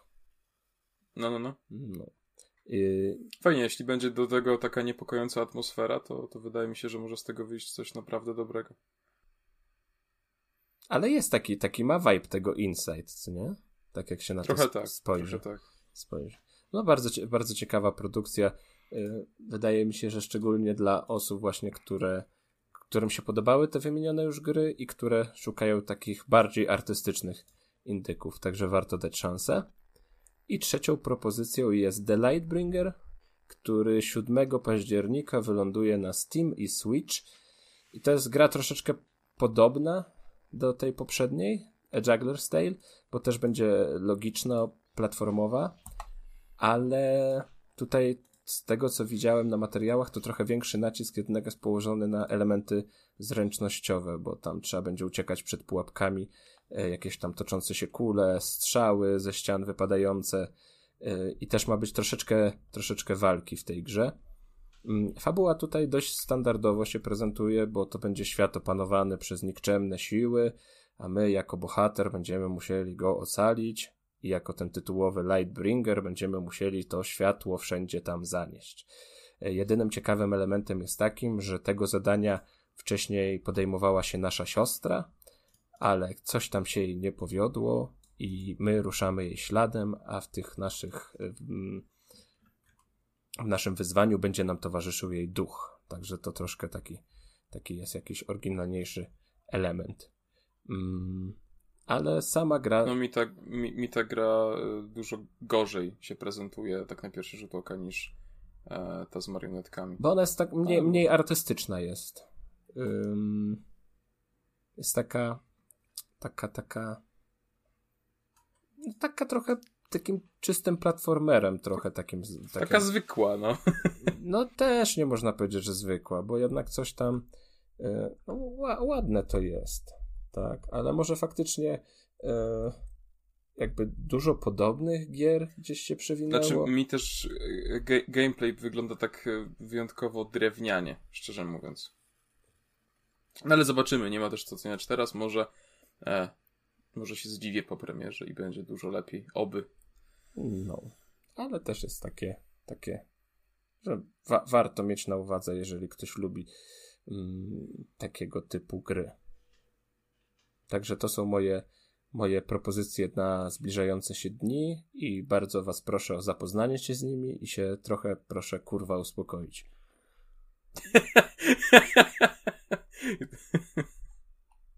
Dobrze. A teraz, uwaga. Hi, hit. Hit. Jak te, tak zawsze się dawało kiedyś te takie. Mm, nie wiem, czy pamiętacie, za czasów naszej klasy, jak się grało w te gry tam, co były, to był taki napis, jakby bardzo pogrubiony, właśnie hit, i to się zawsze dawało sobie w nick. E, to teraz jest taki hit moment. Na, na YouTubie to, też to jest, że hit. Na YouTubie też. Rysiek z klanu tak. y, tak, tam tak, tak, interweniuje, tak, tak, no. To, to, tak, tak, tak. To teraz jest taki hit naszego podcastu, bo, znaczy dzisiejszego odcinka, ponieważ Kuba opowie nam o Defloop. Tak? Tak. Tak? Tak. Nie, no A nie, sorry, pomyłka, to nie. e, Deathpool miało być. E, nie, no opowiem, opowiem, no coś chętnie opowiem, ale na początku podziękuję e, polskiemu oddziałowi Bethesdy za dostarczenie nam kopii recenzenckiej. Bardzo to miłe z ich strony było i dzięki temu mamy tę recenzję i możemy się z wami podzielić. Zaczynając o Defloop. Hmm. Jak wszyscy już wiedzą, rozchodzi się o pętle. Tak, trzeba będzie przerwać pętle. I to jest naszym głównym zadaniem, ale żeby tą pętlę przerwać, czeka nas wiele, wiele rzeczy po drodze. Akcja gry rozgrywa się na wyspie Black Reef, która swojego czasu była miejscem eksperymentów, takie jakby tam się wytworzyła właśnie anomalia, która spowodowała, utworzyła tą pętlę z czasu i wszyscy sobie w tej pętli żyją, tak? Ona po części gwarantuje nieśmiertelność, bo polega to wszystko na tym, że każdy dzień przeżywamy od nowa, czyli po prostu ta pętla trwa tak jakby jeden, jeden dzień. Więc tutaj jak umrzemy jednego dnia, to drugiego poranka budzimy się pełni życia, wszystko jest ok, nic się nie stało, więc większość ludzi, która żyje na tej wyspie, która jest częścią tej pętli, jest z tym ok, no bo to im tak gwarantuje dużo jakby możliwości. No i wszyscy są ok, oprócz tytułowego bohatera, czy nie tytułowego, przepraszam, głównego bohatera, Colta, który swojego czasu był szefem ochrony na tej wyspie i pewnego po prostu dnia postanowił, że takiego życia nie chce i chce tą pętlę przerwać. I teraz zaczyna się cały proces, jak do tego, jak do tego, mm, jak, jak to zrobić. W... Czyli, przepraszam, że ci przerwę, mhm. e, czyli wszyscy ludzie tam zamieszkujący są świadomi tej pętli. A to już zależy. E, bo a, nie. Mm, hmm, bardzo to jest takie spoilerowe. Ale. Okej, okay, dobra, to, to nie było tematu. Nie, myślę, że dojdziemy do tego później, bo jakby ta cała cała pętla i jej istnienie opiera się tak jakby na specjalnej grupie, która była główną częścią tego eksperymentu i oni są nazywani wizjonerami i ten główny bohater też jest jednym z nich i gdy gdy wszyscy wizjonerzy zginą jednego dnia, tylko to się musi wydarzyć tego samego dnia, wtedy ta pętla zostanie przerwana. Y, I część z nich jakby ma tego świadomość, część, część nie do końca i to się tam okaże w trakcie gry. To nie jest aż tak, tak istotne. Ważne, że nasz bohater ma tę świadomość, że on chce tę pętlę przerwać, chociaż to później też y, różne rzeczy wyjdą w trakcie tej, tej fabuły mm, i będę się tutaj gryzł w język dość często. Także jako Colt postanawiam przerwać pętlę i musimy dokonać tych, tych zabójstw, ośmiu zabójstw jednego dnia. I przez całą rozgrywkę staramy się doprowadzić te, do tego, by tych zabójstw ośmiu udało się dokonać jakby w jak najszybszym czasie, bo każdy dzień jest podzielony na y, cztery strefy czasowe, poranek, południe, popołudnie i wieczór i wszystko się musi wydarzyć w tych czterech czterech podejściach, więc tak sobie kombinujemy, żeby ktoś tam się pojawił gdzieś tam, to wtedy się uda sprzątnąć dwie osoby naraz. Jeżeli coś tam się wydarzy, to samoistnie się zniszczy ten i wszystko jest stworzone na takiej zasadzie. I byłoby nam lżej, gdyby nie nasz główny przeciwnik, który stara się nam to uniemożliwić, czyli Juliana. I Juliana jest całkowicie przeciwna temu, co chcemy zrobić, też jest świadoma tego wszystkiego, co się wydarza, tylko dla niej pętla jest po prostu na rękę. I tutaj to jest główny konflikt tej gry pomiędzy właśnie Coltem i Julianą. I nawet czasami, jak będziemy. Na tym się zresztą opiera tryb multiplayer, że po ukończeniu gry mm, jako Colt możemy wcielać się w Julianę i wtedy po prostu wpadamy do gry innym graczom y, i możemy ich zabić Śmierć powoduje to, że musimy zacząć pętlę od nowa, więc e, no to takie jest dość, dość utrudniające. Ale czekaj, czekaj. E, czyli w Julianę możesz wcielić się dopiero po ukończeniu gry? Tak, tak. Musisz na początku poznać historię Colta, żeby później móc y, grać Julianą w tym trybie online i wbijać graczom do gry i ich kurzać. Okej, okay, ale e, to jest jak, jakby taki oddzielny tryb, tak? Czyli główna fabuła jest e, singlowa i ta Juliana tak, tak, tak, tak, tak, tak. Jest singlowa, ty... okay. nie, nie, nie. Właśnie jest bo... singlowa, tylko już gracz, który już skończył grę, jeżeli grasz w trybie online, okay, oczywiście, no możesz sobie ustawić online, offline. E, w trybie offline to będzie komputer, który ci od czasu do czasu tam wbije, ale czasem będzie to żywy gracz, który ci po prostu wpadnie i mm, no i cię sprzątnie. Co jest takie, okay, co jest takie. Okay. Mm, właśnie. Fajn, fajno, nie fajne, ja bo mam... wiesz, jak ci się uda wygrać, to jest spoko, a jak byłeś tam sobie gdzieś w połowie jakiejś planszy kombinowania i coś tam już miałeś, to jednak ta śmierć powoduje to, że musisz tam zacząć y, jakiś etap od nowa. Oczywiście to jest taki, taki lekki roguelike, jeżeli w ogóle można to nazywać roguelike'iem, bo część tam rzeczy się zapamiętuje. Y, ogólnie cała wiedza, którą zdobędziesz podczas e, jednego ranu, ona jest zapamiętywana, więc to nie jest straszne. Ale jeszcze chciałeś coś, zapytać i, i, i nie dałem ci. Właśnie ja chciałem powiedzieć, że mam ten kłopot z Defloopem, że co prawda mi ta gra się bardzo podobała od, od pierwszej zapowiedzi i ja gdzieś to wszystko śledziłem, ale ja tak do samego końca właśnie nie, nie potrafiłem określić, czym ta gra jest. No niestety nie grałem, więc Strzelanką jestem jest. cały czas w tym samym punkcie. I te e, trailery, kurczę... Chodzi mi o to, że też widziałem właśnie w internecie sporo narzekania, że dużo osób e, do Defluwa podchodziło z nastawieniem, że to będzie taki mm, multiplayer hero shooter Co? E, z supermocami, coś ala nie wiem, Overwatch na przykład, można Oj, powiedzieć. Nie, nie, e, nie. Tam jest tylko coś takiego, że ktoś sobie może przechodzić jakby tę historię po raz kolejny, tylko że już z prawdziwymi e, przeciwnikami, w sensie, że ktoś się w tą Juliannę w, wciela, czy jest też jakiś tryb po prostu, że biegasz po tych mapach i się zwyczajnie strzelasz? Nie ma takiego trybu, że się zwyczajnie biegasz Nie i ma strzelasz. takiego. Znaczy on jest po prostu to strze szkoda. strzelanie, to jest zawsze potyczka Colt Juliana, tak? Okej, okej. No, a ja wiem, czy szkoda, to, to, to nie jest taki aż shooter, żeby tam w, w niego multi wsadzać. Y, To jest taka gra, że możesz sobie ją przechodzić tam powiedzmy skradaniem. Możesz sobie ją przechodzić w ogóle starając się y, jakimś, wiesz, cichymi zabójstwami. Możesz sobie ją właśnie na Rambo przechodzić, wszystkich rozwalać. A, a można nikogo nie zabić, tak jak w Dishonored? Y, tak, tak, tylko... A ja tak grałem w Dishonored. Ja wiem, no ale to, to był taki żart, bo mówię, że musisz wyeliminować ośmiu przeciwników i ja tutaj się pytam, A, a, a, o to ci. czy Nie, miało być, nie. miało być śmiesznie. E, no. chodzi, chodziło mi. A, sorry. Nie tak, masz rację, złapałeś mnie. chodziło mi o tych pomniejszych przeciwników. E, Bo oczywiście, żeby dorwać się do tego dużego, no to tam po drodze masz, masz rzeszę tych pomniejszych. Mm, ale chodzi o to, że.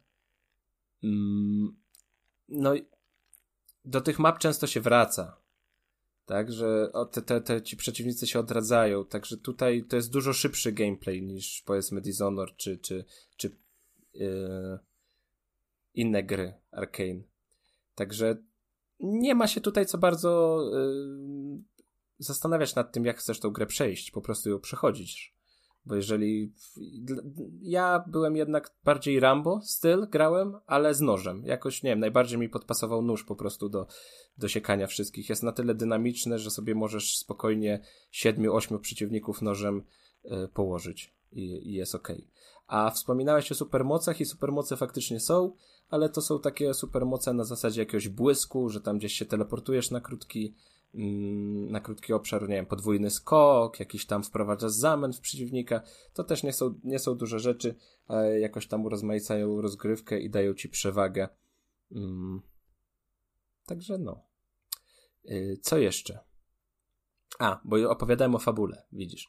Chodzi o to, że fabuła na początku może konfudować troszeczkę, bo tak naprawdę nie wiemy za dużo, ale z każdym jakby postępem dowi dowi dowiadujemy się coraz więcej, to coraz bardziej zaczyna się sklejać w całość nabierać sensu i tak naprawdę dopiero z czasem zaczynamy się tym wszystkim ekscytować i staje się to dla nas takie, że no wow, coś się tam dzieje. Na początku możemy mieć trochę takie, mm, to okej, okay, ale o co chodzi, po co to, co, gdzie tam, dlaczego tego nie mogę, dlaczego to mogę.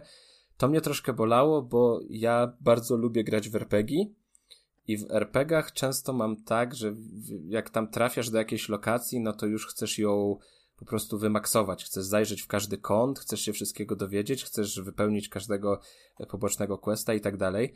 A tutaj tak, tak nie ma, że y, od początku już możesz wszystko. Potrzebujesz czasu, potrzebujesz jakichś dodatkowych wskazówek, potrzebujesz spotkać inne postacie w innym czasie, w innym miejscu, żeby dowiedzieć się czegoś tam. Także moje początki były takie, że trafiałem do danej lokacji. Tych lokacji głównych jest cztery, cztery mapki, tak jakby. I starałem się zajrzeć w każdy kąt, coś tam gdzieś znalazłem i tak szukałem, kurczę, no to co z tym zrobić? I teraz krążę tu, zaglądam tam, może to, może tamto. A tak naprawdę okazało się, że ja to będę mógł samoistnie zrobić za tam, nie wiem, 3-4 godziny, że to po prostu nie jest czas i, tera, i miejsce, żeby to teraz zrobić. Dlatego jak ktoś sięga po Deathloopa, to tak naprawdę y, zachęcam do iścia głównym wątkiem.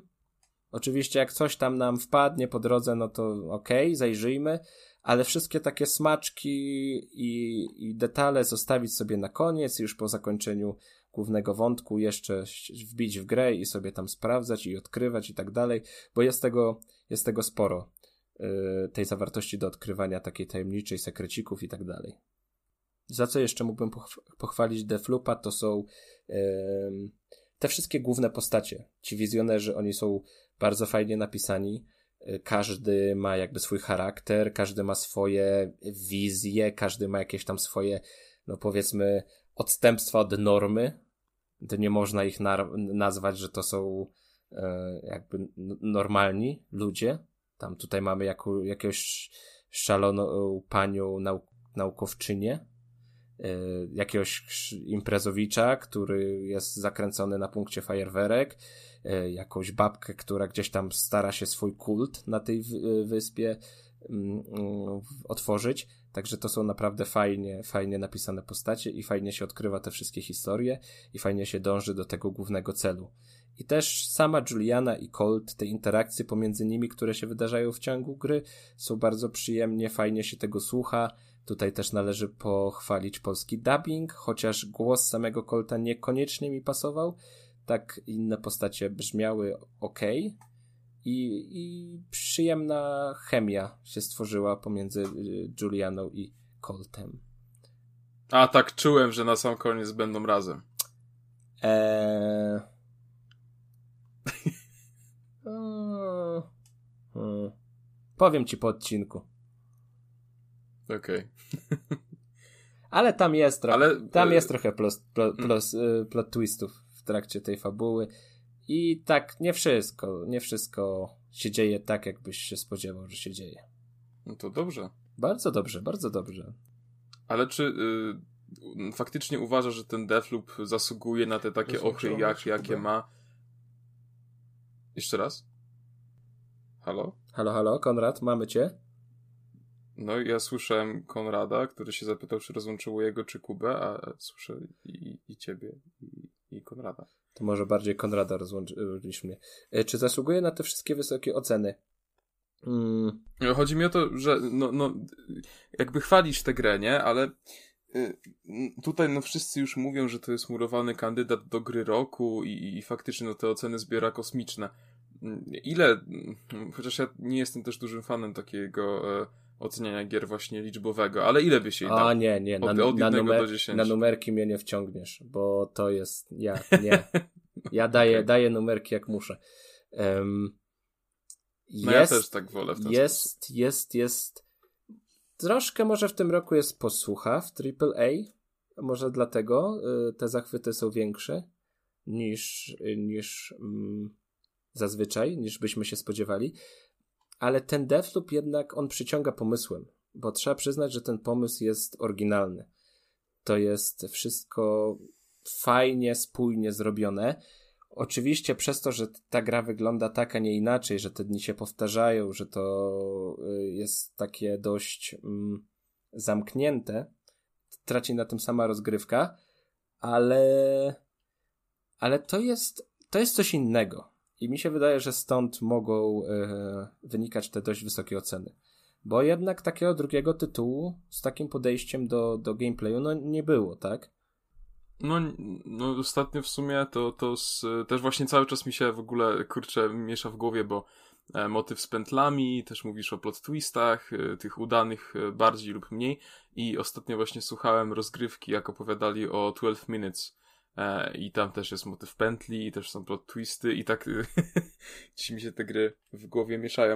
E, no, ale, ale to jednak, jednak tak, gatunek y, może. Nie, no, no ja, ja wiem, ja wiem, to, to wiadomo. Mm. Wiadomo, ale tak zastanawiam się jeszcze, już tak jakby odkładając samą jakość tego Defloopa, to jak oceniasz, w sensie chodzi mi o to, czy Arkane stanęło na wysokości zadania i czy, czy, czy to jest ich lepsza gra niż Dishonored, czy, czy ale to w sensie rozwijają to jest przede się, wszystkim inna, inna miejscu, gra. Czy... To jest właśnie też to porównywanie do Dishonored czy do Preya. To jest zupełnie inna gra. To, mm, hmm.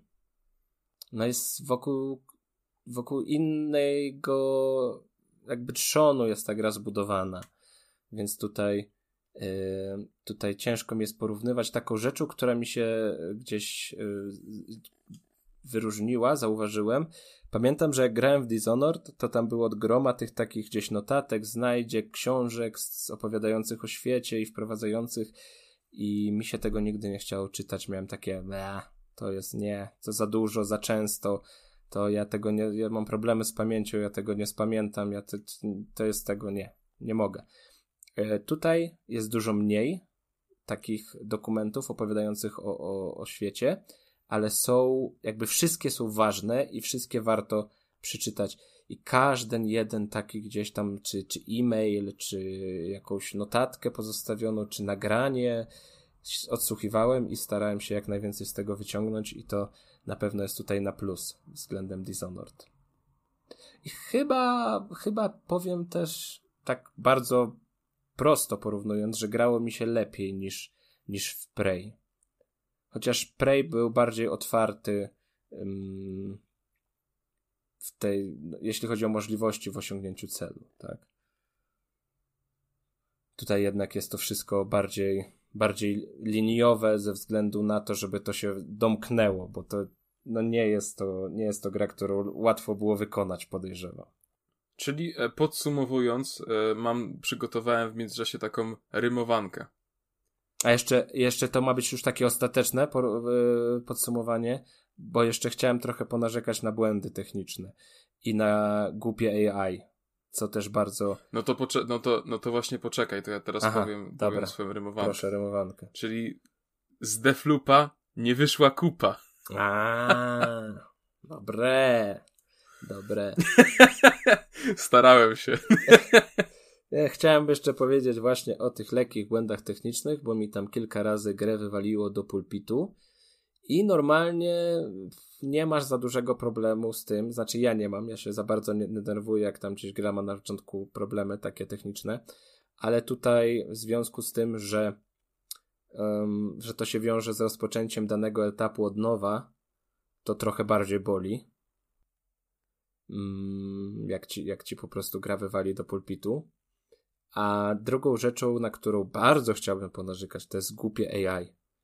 I to wcześniej nawet mówiłem o tym, że mi się nożem tak dobrze eliminowało przeciwników, ale chyba dlatego, że to AI po prostu takie było głupie, że no nie reaguje i i to też mm, może dużo osób Dishonored, y, fanów Dishonored rozczarować, bo tutaj to skradanie jest takie bardzo, bardzo uproszczone. Czasami nawet jak dwóch wrogów gdzieś stoi koło siebie w odległości nie metra i sprzątniemy jednego, nawet nie mówię, że tam zakradniemy się od tyłu i go gdzieś po cichu zadusimy czy tak dalej, tylko z dystansu zastrzelimy pistoletem na gwoździe, który teoretycznie powinien być bronią cichą, no ale jednak no jednak jest ciało upadające, czy, czy cokolwiek, to ta druga, która stoi metr obok, nawet nie zareaguje. E, czasami w walce okay. gdzieś te, posta- te, te ci przeciwnicy nie będą w ciebie strzelać, tylko gdzieś będą się kręcić albo głupio chować za przeszkodami. Także. No ale to jest, wiesz, to jest norma w grach, no to. Norma, ale to trochę odbiera tutaj y, tego uroku. Bo to jest gra jakby nastawiona na to, tak? Na tą taką szybką, eliminację, albo to skradanie się właśnie bezszelestne. Um, nie, za, za słabo, za słabo to wyszło. Za bardzo się to rzuca w oczy. A jeszcze może nie wspomniałem o jednej ważnej rzeczy, bo mówiłem o tym, że jak się przegra, to trzeba zacząć etap od nowa, ale tak naprawdę y, to jeszcze mamy dwa życia. Tak, może nas zabić y, trzykrotnie, może nas zabić zanim będziemy musieli powtórzyć etap od początku. Także to nie jest też jakiś hardkorowy roguelike, który będzie jakby każdy, każdy nasz krok, każda nasza decyzja się, się liczy. Mamy tutaj takie, takie lekkie pole, pole manewru, no ale też nie, nie spodziewajmy się mm, jakby hardkoru od gry AAA, która wiadomo, że jest skierowana do, do szerokiej grupy odbiorców mm, i ma być zrobiona tak, że każdy będzie sobie w stanie z nią poradzić. Bo w Deathloopie nie ma y, wyboru poziomu trudności, jest tylko i wyłącznie jeden jakby narzucony z góry przez grę.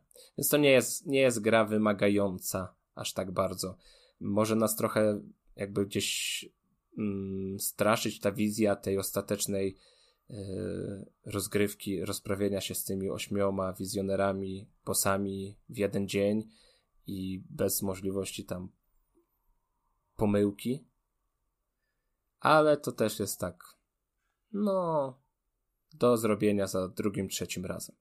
Wizualnie, wizualnie to też tak muszę powiedzieć, że średnio, średnio mi się podobał. No ładny, ładny, ale może po prostu ten, ten styl to nie jest styl, który jakoś do mnie, do mnie trafia szczególnie. Ale ogólnie polecanko. Polecanko jest, polecanko jak najbardziej, polecanko. No dobrze, czyli to był Defloop i to był Kuba Smolak, a tymczasem ja opowiem o FIFA 22, e, którą miałem przyjemność recenzować dla Antywebu. I link do tej recenzji pisanej znajdziecie oczywiście w opisie e, odcinka i tam bardzo serdecznie e, Was odsyłam. E, więc tak, zacznijmy może od Ultimate Team, czyli od e, najgłośniejszego i najbardziej popularnego trybu FIFA już od lat. E, no i cóż, no, no, nie, będę kłamał, nic się nie zmieniło tak naprawdę w samym fucie. E, rozrywka stoi na tym samym. E, niestety to też poruszałem właśnie e, ten temat kiedyś już na podcaście i też w, przy okazji recenzji pisanej zeszłorocznej FIFA, e, która też swoją drogą pojawiła się właśnie na Antywebie. Mm, że jakby foot to jest bardzo przyjemny, przyjemny tryb, e, który daje zabawy na naprawdę setki godzin, umówmy się, bo jest tam i Foot Champions, e, jest Division Rivals, e, jest nawet Squad Battles, czyli ten tryb, e, w którym mierzymy się offline e, z komputerem. Jest przecież draft, można otwierać paczki, jest naprawdę super, tego dużo, dużo jest zawartości. Natomiast Główny kłopot jest taki, że food jest bardzo źle zbalansowany i, i niestety, ale e, w tej grze jak najbardziej e, możemy mówić o motywie e, pay to win, no bo, bo tak naprawdę ludzie wydający pieniądze na FIFA Pointsy, otwierając te paczki, są w stanie zarobić krocie już od samego początku, a jeśli chcecie liczyć się w właśnie Food Champions i mieć jakiekolwiek szanse, żeby dojść do sensownej, wysokiej rangi, no to do tego potrzebujecie dobrych zawodników, którzy kosztują tyle końców, że no, no FIFA, FIFA Pointsy są jedynym wyjściem tak naprawdę. A poczekaj, bo mam e, tutaj pytanie, a, a, a nawet jestem tym zaintrygowany, jako że ogólnie na FIFA to mam takie mech, ale tu jestem ciekawy, powiedziałeś, mhm. że to jest pay to win, ale dobra, załóżmy, że ja nie chcę płacić nie chcę nic, nic kupować, żadnych paczek.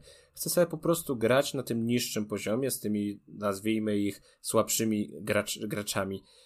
Czy... No to właśnie chciałem do tego przejść. Aha, Wiesz co? bo jak mam hmm. słabszych zawodników, to ta rozgrywka jest mniej przyjemna? Jest jakaś, nie wiem, wolniejsza, nie taka efektowna? To bardzo to... Znaczy, wiesz co, to też zależy. Pamiętam za czasów jeszcze FIFA 13-14, e, to prawda jest taka, że do samego końca e, FIFA mogłeś grać zawodnikami o ocenie ogólnej 83-84 mm, i tam właściwie tak naprawdę, jak się nie mylę, to e, taki brazylijski piłkarz o pseudonimie Hulk był po prostu fenomenalny do samego końca. Czy FIFA 15 przecież Wiktor i Barbo mający chyba 77 oceny ogólnej, e, po prostu był koksem i, i cały rok mogłeś nim grać. I nawet już w końcowym etapie życia FIFA, gdzie już były wszystkie specjalne karty, było ma masa informów, miałeś, miałeś już Team of the Year, Team of the Season, e, tam jeszcze nie było tych takich wszystkich headlinerów i tak dalej, jak są teraz, mm, ale były te takie główne specjalne karty. I mimo wszystko ten Victor i Barbo e, cały czas dawał radę. Niestety FIFA ma ten problem teraz, że E, jest tyle kart specjalnych i one wchodzą tak szybko, że momentalnie te karty ocenione na 82 e, przestają mieć znaczenie. I oczywiście są teraz takie karty w 22, jak chociażby Emre Chan, e, który jest świetny, jest oceniony na 82 i daje radę. Mm, są oczywiście jakieś wyjątki. Też w tym roku bardzo dużego boosta dostali środkowi obrońcy którzy mają po 90 parę tempa, a przy obecnym gameplayu FIFA jest to, jest to bardzo e, kluczowa statystyka. Mm, ale chodzi o to, że tak czy siak te karty w końcu przestaną mieć ten swój urok. I najgorsze jest to, e, co też chciałem powiedzieć, że widzisz, no ja miałem przyjemność grać w FIFA na długo przed premierą i w momencie, kiedy gra jeszcze nie była e, dostępna dla graczy mm, z Early Access, ci co mieli 10 godzin do rozegrania przed premierą, e, no to ja już się napotykałem na składy, gdzie e, koleś miał e, skład z ligi angielskiej i były tam takie twarze jak Cristiano Ronaldo, jak Paul Pogba, N'Golo Kante i tak dalej. No i w tym momencie ja grając składem, gdzie moją główną gwiazdą był James Milner z Liverpoolu, który już ledwo zipie na boisku, no nie miałem po prostu żadnych szans. Czy jesteś w stanie osiągnąć sukces w FIFA nie kupując paczek? Tak, ale wymaga to bardzo dużego poświęcenia czasu. A, a e, jak dużego? Zdanie, że... Mówimy o jakby dziesiątkach, setkach? Bardzo dużego. Tysiącach godzin? Nie, to, to... Ale mówisz w skali roku? Tak, tak. Znaczy no, bo tyle się gra w FIFA, tak? W jedną odsłonę. No tak, no to jest cykl roczny zawsze. Znaczy nie, no tutaj powiem ci, no strasznie jest ciężko na pewno na start. E, wiesz, otwierając paczki możesz trafić zawodnika, e, przypuśćmy, nie wiem, e, Halanda, który jest warty E, może tutaj strzelę trochę tak znikąd, ale przyjmiemy te 300 tysięcy. I w tym momencie masz taki boost, że za te 300 tysięcy jesteś w stanie sobie zbudować naprawdę świetny skład na, na początek, a potem to tylko rozwijać. Pewnie EA też trochę pomaga graczom, bo wprowadzili przecież kilka lat temu e, SBC, te wyzwania budowania składu, gdzie też możesz wymieniać e, słabszych, nieświecących złotych zawodników na paczki, gdzie może ci się poszczęścić. Potem też są jakieś tam karty specjalne za te SBC, które też możesz zrobić. Mm, w każdym razie, no mówię, wymaga to tak wielkiej ilości czasu, że zwyczajnie jeśli grasz FIFA dla przyjemności, a nie grasz w nią codziennie po kilka godzin, tak jak ja, w sensie tak jak ja, że gram dla przyjemności, no to nie jesteś w stanie, e, nie wydając pieniędzy, osiągnąć świetnego składu. E, a szkoda, no sytuacja zmienia się pod koniec cyklu życia FIFA, no bo na przykład w 21 teraz pod koniec, no to e, praktycznie każdy miał skład złożony ze specjalnych kart, ale to też rynek już szaleje, e, to też jest temat na, na inną rozmowę, ale to w ogóle, bo zaczynam już tutaj gadać o ideologii futa, a to nie, nie na tym się mieliśmy skupić. No balans jest problemem na pewno, nie podoba, mówię, nie podoba mi się to, bo uważam, że takie składy napakowane gwiazdami Premier League nie powinny mieć miejsca w ogóle nawet y, trochę po premierze, a co dopiero na tyle przed premierą, e, no bo nie wyobrażam sobie, no rozpoczynasz karierę e, w fucie, zaczynasz grać i mierzysz się jako w trzecim meczu, jak uzbierasz tam kilka złotych kart, no to dostajesz takiego przeciwnika. E, jest to bardzo demotywujące, no ale to jest problem, z którym FIFA się mierzy już jakiś, jakiś czas, nie? Mm Fajną odskocznią właśnie jest draft, e, który też jest dostępny już od kilku lat, e, bo za cenę 15 tysięcy monet wybierasz sobie, e, na każdej pozycji masz do wyboru 5 zawodników i tam pojawiają się właśnie takie fajne karty, jak e, jakieś nowe informy, e, potem też jak już wyjdą te karty specjalne, to właśnie one, e, nawet pojawiają się ikony, pojawiają się te karty po prostu właśnie w stylu Cristiano Ronaldo czy Lionel Messi, które są kosmicznie drogie normalnie i ciężko sobie na nie pozwolić na tak wczesnym etapie. Mm, e, więc, więc fajnie. No, do zarobienia pieniędzy jeszcze możesz właśnie grać w to Squad Battles e, z, po offline, tam sobie sam wybierasz poziom trudności, e, czy po prostu piąć się po szczeblach w tym, w tym Division Rivals. Tam nie ma takiej presji jak Food Champions, nie? Tylko, że też są dużo gorsze nagrody. Więc no niestety, tak samo w zeszłym roku też EA wydawało się, że troszkę poszli po rozum do głowy z ocenianiem kart, bo Niestety w 20, w 19 i bodajże też w 18 był taki problem, że mieliśmy wysyp kart o ocenie maksymalnej, czyli 99 i e, te karty pojawiały się już bardzo wcześnie, bo jak było Team of the Year w grudniu, e, no to już dostawałeś Messiego Ronaldo 99 i już gdzieś tam ten maksymalny pułap był osiągalny. No w tym roku ani Team of the Year, ani Team of the Season żadna karta nie miała mówię w 21. Żadna nie miała 99 oceny, e, jeśli się nie mylę, ale później te 99 i tak wróciło, e, co dostał nawet taką kartę Roberto Firmino i z całym szacunkiem do napastnika Liverpoolu, ale uważam, że jest po prostu wstydem to, że EA do tej elitarnej grupy zawodników o maksymalnej ocenie dodało właśnie, właśnie jego.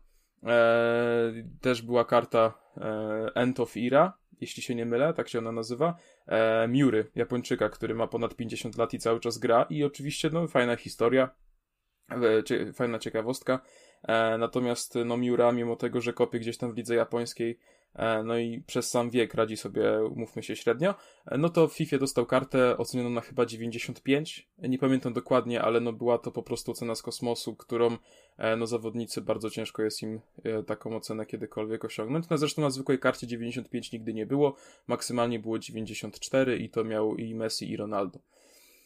Mm. Więc tak, no w fucie nie ma wielkich zmian to jest cały czas to samo, ale z drugiej strony, po co EA mają, ma, ma to zmieniać, skoro to po prostu działa?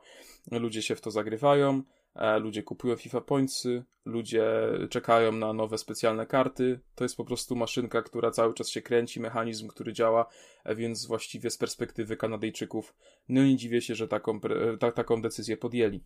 Mm. Także jeśli graliście w futa do tej pory, zagrywacie się w niego często, to nie zawiedzicie się w 22. Jest on mówię, taki sam, e, więc y, pod tym względem, no warto, warto. E, jakieś pytania jeszcze macie do futa? Nie, nie, chyba nie. powiedziałeś, że jest tak okay. samo jak w poprzedniej części warto zakupić, także spoko. Tak dla mnie wyjaś... znaczy, wyjaśniłeś no mówię, temat.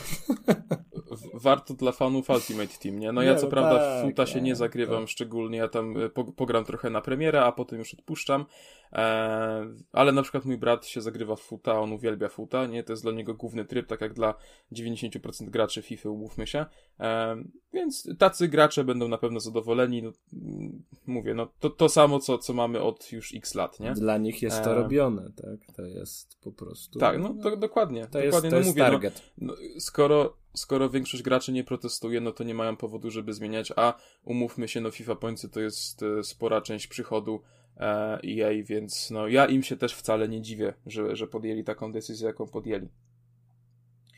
E, czy Konrad zasnął, czy Konrad jest na sali z nami? E, trochę zastałem, bo FIFA. Okej. Okay. Z Konrada gdzieś, wiesz, wykrzyczał się na newsach i gdzieś to ciśnienie po prostu zeszło. już jak taka, jak taki, taka dętka, taka już powietrze spuszczone tam. Uf. Ale dobrze, że jesteś, bo teraz chciałem poruszyć temat Volty, e, który bardzo nas kiedyś na podcaście zaelektryzował. E, Volta stała się, można powiedzieć, jednym z trzech głównych filarów e, FIFA. E, coś, e, ja takiego też pamiętam, porównania użyłem w przypadku recenzji Call of Duty Black Ops 4, bo tam właśnie mieliśmy multiplayer, mieliśmy Battle Royale i mieliśmy zombie. Tak w FIFA mamy futa, mamy karierę i mamy volta. Inne tryby to już jest tam taka e, pipituwa, nie? Więc volta. Mm, co jest ważne i co jest dla mnie sporym minusem, to niestety FIFA 22 jest pierwszą od, jeśli się nie mylę, FIFA 17, w której nie ma żadnego trybu fabularnego, nie ma żadnej kampanii. E, I szkoda, bo chociaż te tryby bywały bardzo różne, o co się właśnie kiedyś z Konradem sprzeczałem, to bardzo był to fajny dodatek i, i uważam, że, że te tryby e, fabularne gdzieś tam e, były ważną częścią e, nowych FIF. I szkoda, że tak się stało, że, że Sony z tego zrezygnowało. Mm, w każdym, w każdym razie, no co jest y, w tej wolcie zamiast tego trybu fabularnego? Jest troszeczkę zmian. E, przede wszystkim dodano sporo takich trybów e, arcade'owych, bo właściwie Volta stała się taką arcade'ówką e, i, i nawet jej tego nie kryje, bo właśnie to, co, o czym chcę powiedzieć, nazywa się Volta Arcade. I to są różne gierki dla czterech osób, mm, często w drużynach 2 na 2 Są to takie gierki jak Zbijak, E, kiedy musicie podać piłkę w stronę przeciwników, a oni muszą e, tej piłki unikać i, i w drugą stronę. E, jest też Disco Lava, to jest taka gierka, w której musisz biegać po, po, po wyznaczonych kafelkach na podłodze, które się świecą na różne kolory i to wygląda jakbyś był na dyskotece. Mm, są też takie gry jak, jak odbijanie piłki od ściany, coś takiego jak, nie wiem czy graliście w boiskowego, tam to się nazywa zależnie od regionu, króla, debila, coś takiego. Że kto, jest kto też... wykopie za bramkę, ten stoi? nie, to było prawo Pascala. To nie, nie, nie. No taka gra, że mm, no był zawsze jeden... Nie, nie, to mam na myśli, że jeden bramkarz ko kopiesz, y... i tam my jako, no. my jako piłkarze, jako grający yy... o, to się u nas nazywało jedno podanie.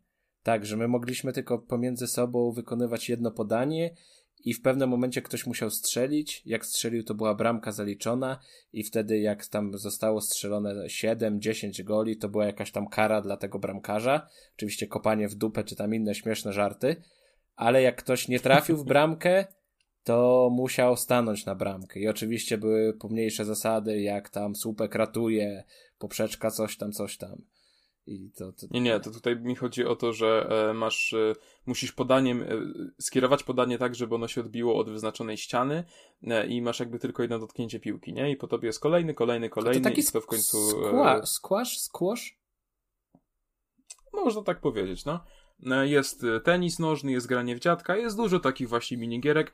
Jest to tryb fajny, nie powiem, ale obawiam się, że może zostać zapomniany i, i może po prostu to. Obawiam się, że będzie to coś w stylu, tak jak wprowadzili w pewnej FIFA te e, nowe e, opcje szybkich e, spotkań. Czyli właśnie, że miałeś mecze bez zasad, że tam nie było ani spalonych, ani kartek, nie było w ogóle fauli. Miałeś te mecze, gdzie liczyły się bramki tylko strzelone główką albo z woleja. mm, czy inne jakieś takie, że, że tam jakaś specjalna piłka, która ci daje boosta do szybkości, czy tam boosta do strzałów. E, to jest bardzo fajna rzecz, fajna na, na posiedzenie na kanapie, pogranie sobie przy piwku z kolegami, e, ale obawiam się, że, że jednak nie, nie przykuje to większości graczy do, do, do siebie na dłuższy czas, a szkoda, e, bo, bo fajna sprawa. Natomiast wracając jeszcze do tego trybu fabularnego, bo zapomniałem o tym wspomnieć, Zawiodłem się podwójnie, dlatego że jak pierwszy raz odpalacie FIFA 22, to dostajecie zajawkę właśnie takiego typowego trybu fabularnego, gdzie tworzycie swoją postać, swój awatar. E, potem jest cutscenka, kiedy w ogóle siedzicie w, we Francji, w hotelu. Okazuje się, że jesteście w tym samym hotelu co David Beckham, który pije sobie kawkę na tarasie. E, potem jest sekwencja, kiedy e, z piłką biegniecie przez francuskie ulice, musicie dryblować między kelnerami, między przychodniami, uważać na jakieś ławki, czy tam doniczki z kwiatami. E, świetna sprawa. E, następnie trafiacie na, na, na e, stadion PSG. Mm, tam widzicie piłkarzy właśnie paryskiego klubu. E, odbywacie tam trening, na którym obecny jest Mbappé i Thierry Henry. E, więc znajome twarze, e, tak, legendy piłki nożnej, czy właśnie współczesne gwiazdy, e, czyli motyw, który był właśnie w, w karierze, przepraszam, w fabule w 21 E, no i w, w tym momencie, jak skończycie ten trening na, na murawie e, stadionu PSG, no to przenosi was, gracie po prostu spotkanie w Lidze Mistrzów e, PSG kontra chyba Liverpool, jeśli się nie mylę. No i potem przenosi was do trybu, znaczy przepraszam, do menu głównego i, i po prostu macie już właściwą FIFA i, i to nie jest w żaden sposób kontynuowane. I straszna szkoda, bo to miało naprawdę świetny potencjał na to, żeby to E, jakoś tam dalej pociągnąć, więc troszeczkę się, się podjarałem, jak, jak odpaliłem grę. No a finalnie wyszło tak, jak wyszło, i okazało się, że nic z tego, z tej historii dalej nie będzie. E, Volta też dostała mm, taką nowość, że e, możecie teraz wybierać swojemu, swojemu awatarowi jakieś tam specjalne umiejętności. I są to trzy specjalne umiejętności. E, pierwszą jest potężne uderzenie, tak się to nazywa, e, i to ci po prostu dodaje, że siła strzałów jest y, mm, dużo mocniejsza. Jest y, umiejętność o nazwie czysty pęd, która dodaje ci sprintu, e, oraz jest y, tryb, przepraszam, umiejętność agresywny odbiór, która pozwala ci na to, że po prostu przeciwnicy się od ciebie odbijają. Jak ty odbi odbierasz im piłkę, to oni się od twojego barka odbijają, padają na podłogę i to nie jest liczone jako faul E, więc e, coś takiego. Mm, to oczywiście można potem sobie zmieniać. Jest też drzewko umiejętności, gdzie możecie swojego bohatera w Wolcie rozwijać. E, także no, jej zadbało o tą Voltę, rozwinęli ją znacznie, faktycznie ta rozgrywka jest fajna.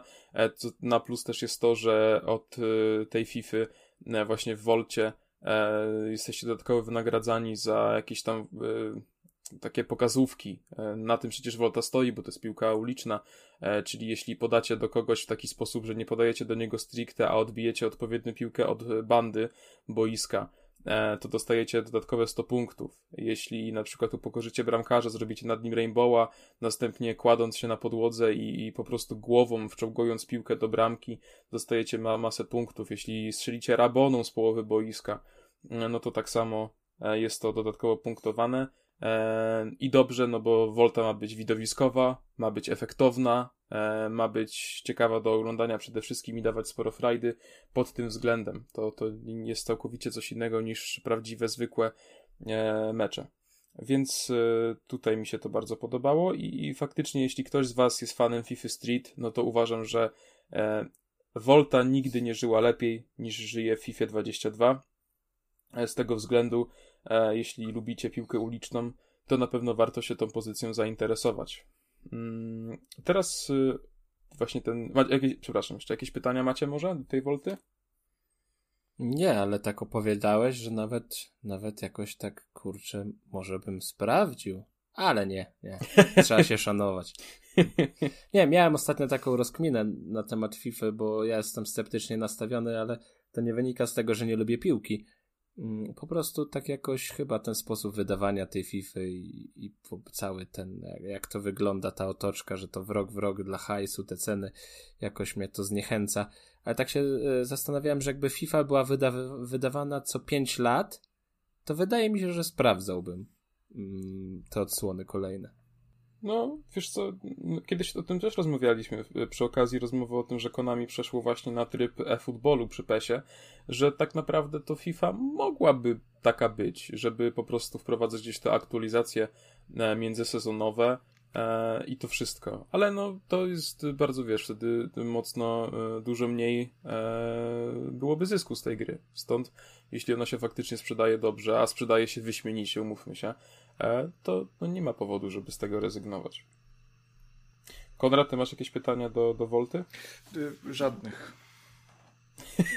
Konrad tam na krześle już w ogóle zasypia. Siedzi tak. Okay. Siedzi tak rękę, ręce założone. Nie, mam nie, pytań. Wrócisz, wrócisz ze Dobrze. szkoły, to pogadamy. Jakie mogę mieć pytania o FIFA? No kopiesz piłeczkę i tyle, no błagam.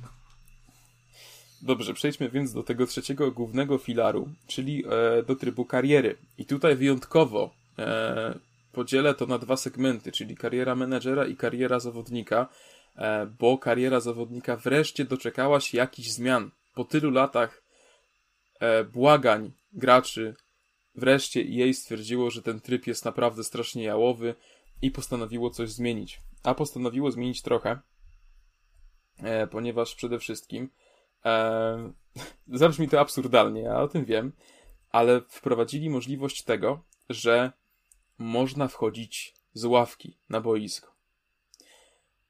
Tak, tego nie było w trybie kariery. W trybie kariery zawodnika do tej pory albo zaczynałeś mecz od pierwszej minuty, albo jeśli e, e, trener us, us, usadził cię na ławce na początku, to nie wchodziłeś w ogóle, po prostu mecz był symulowany, nie brałeś w nim żadnego udziału.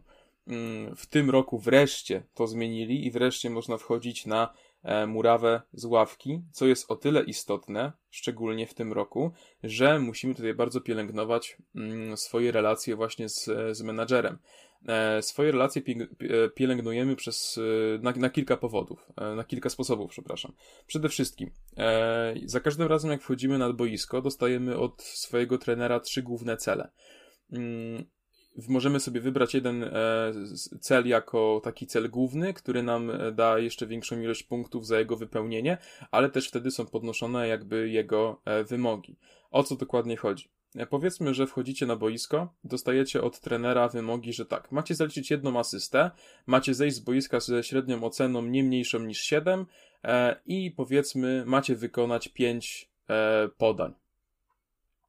E, więc w tym momencie trener wam daje jasno do, do, zrozumienia, że niezależnie od waszej pozycji macie być po prostu osobą rozgrywającą.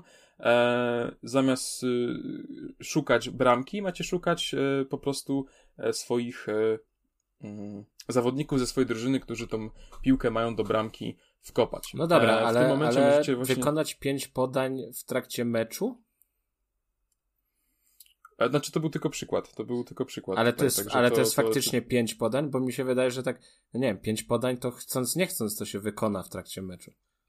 E, weź pod uwagę też, Kuba, to, że mecz FIFA trwa A, dobra, 8 minut. Dobra, dobra. Tu, do 10. Tu, tu mnie ma, e, tak, więc tu mi się nie tak zgadzało. Jak na przykład, y, jak grałem w karierę menadżera Barceloną, E, to tylko takie na szybko przejście, żeby ci wy, wy, wyjaśnić.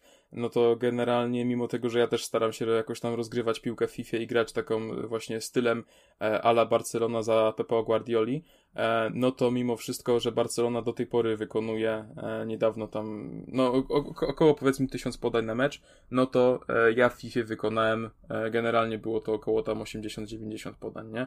po prostu ten czas bardzo szybko leci nie, no i, jasne, i właściwie, jasne, żeby strzelić trochę bramek, ciężko jest sklepać tyle podań. A, a w trybie za, kariery zawodnika to też chodzi o to, że twój zawodnik ma tyle wykonać podań, więc jakby podania między drużyną się nie liczą. E, więc faktycznie, jeśli na przykład wchodzisz na boisko w tej 70 minucie, masz 20 minut, to te 5 podań faktycznie wbrew pozorom może się okazać niezłym wyzwaniem. Chyba, że po prostu będziesz podawał do tyłu i żeby sobie tylko to nabić, bo też tak możesz robić, nie? Mm, ale wracając, e, dostajesz te trzy właśnie zadania od, od swojego trenera.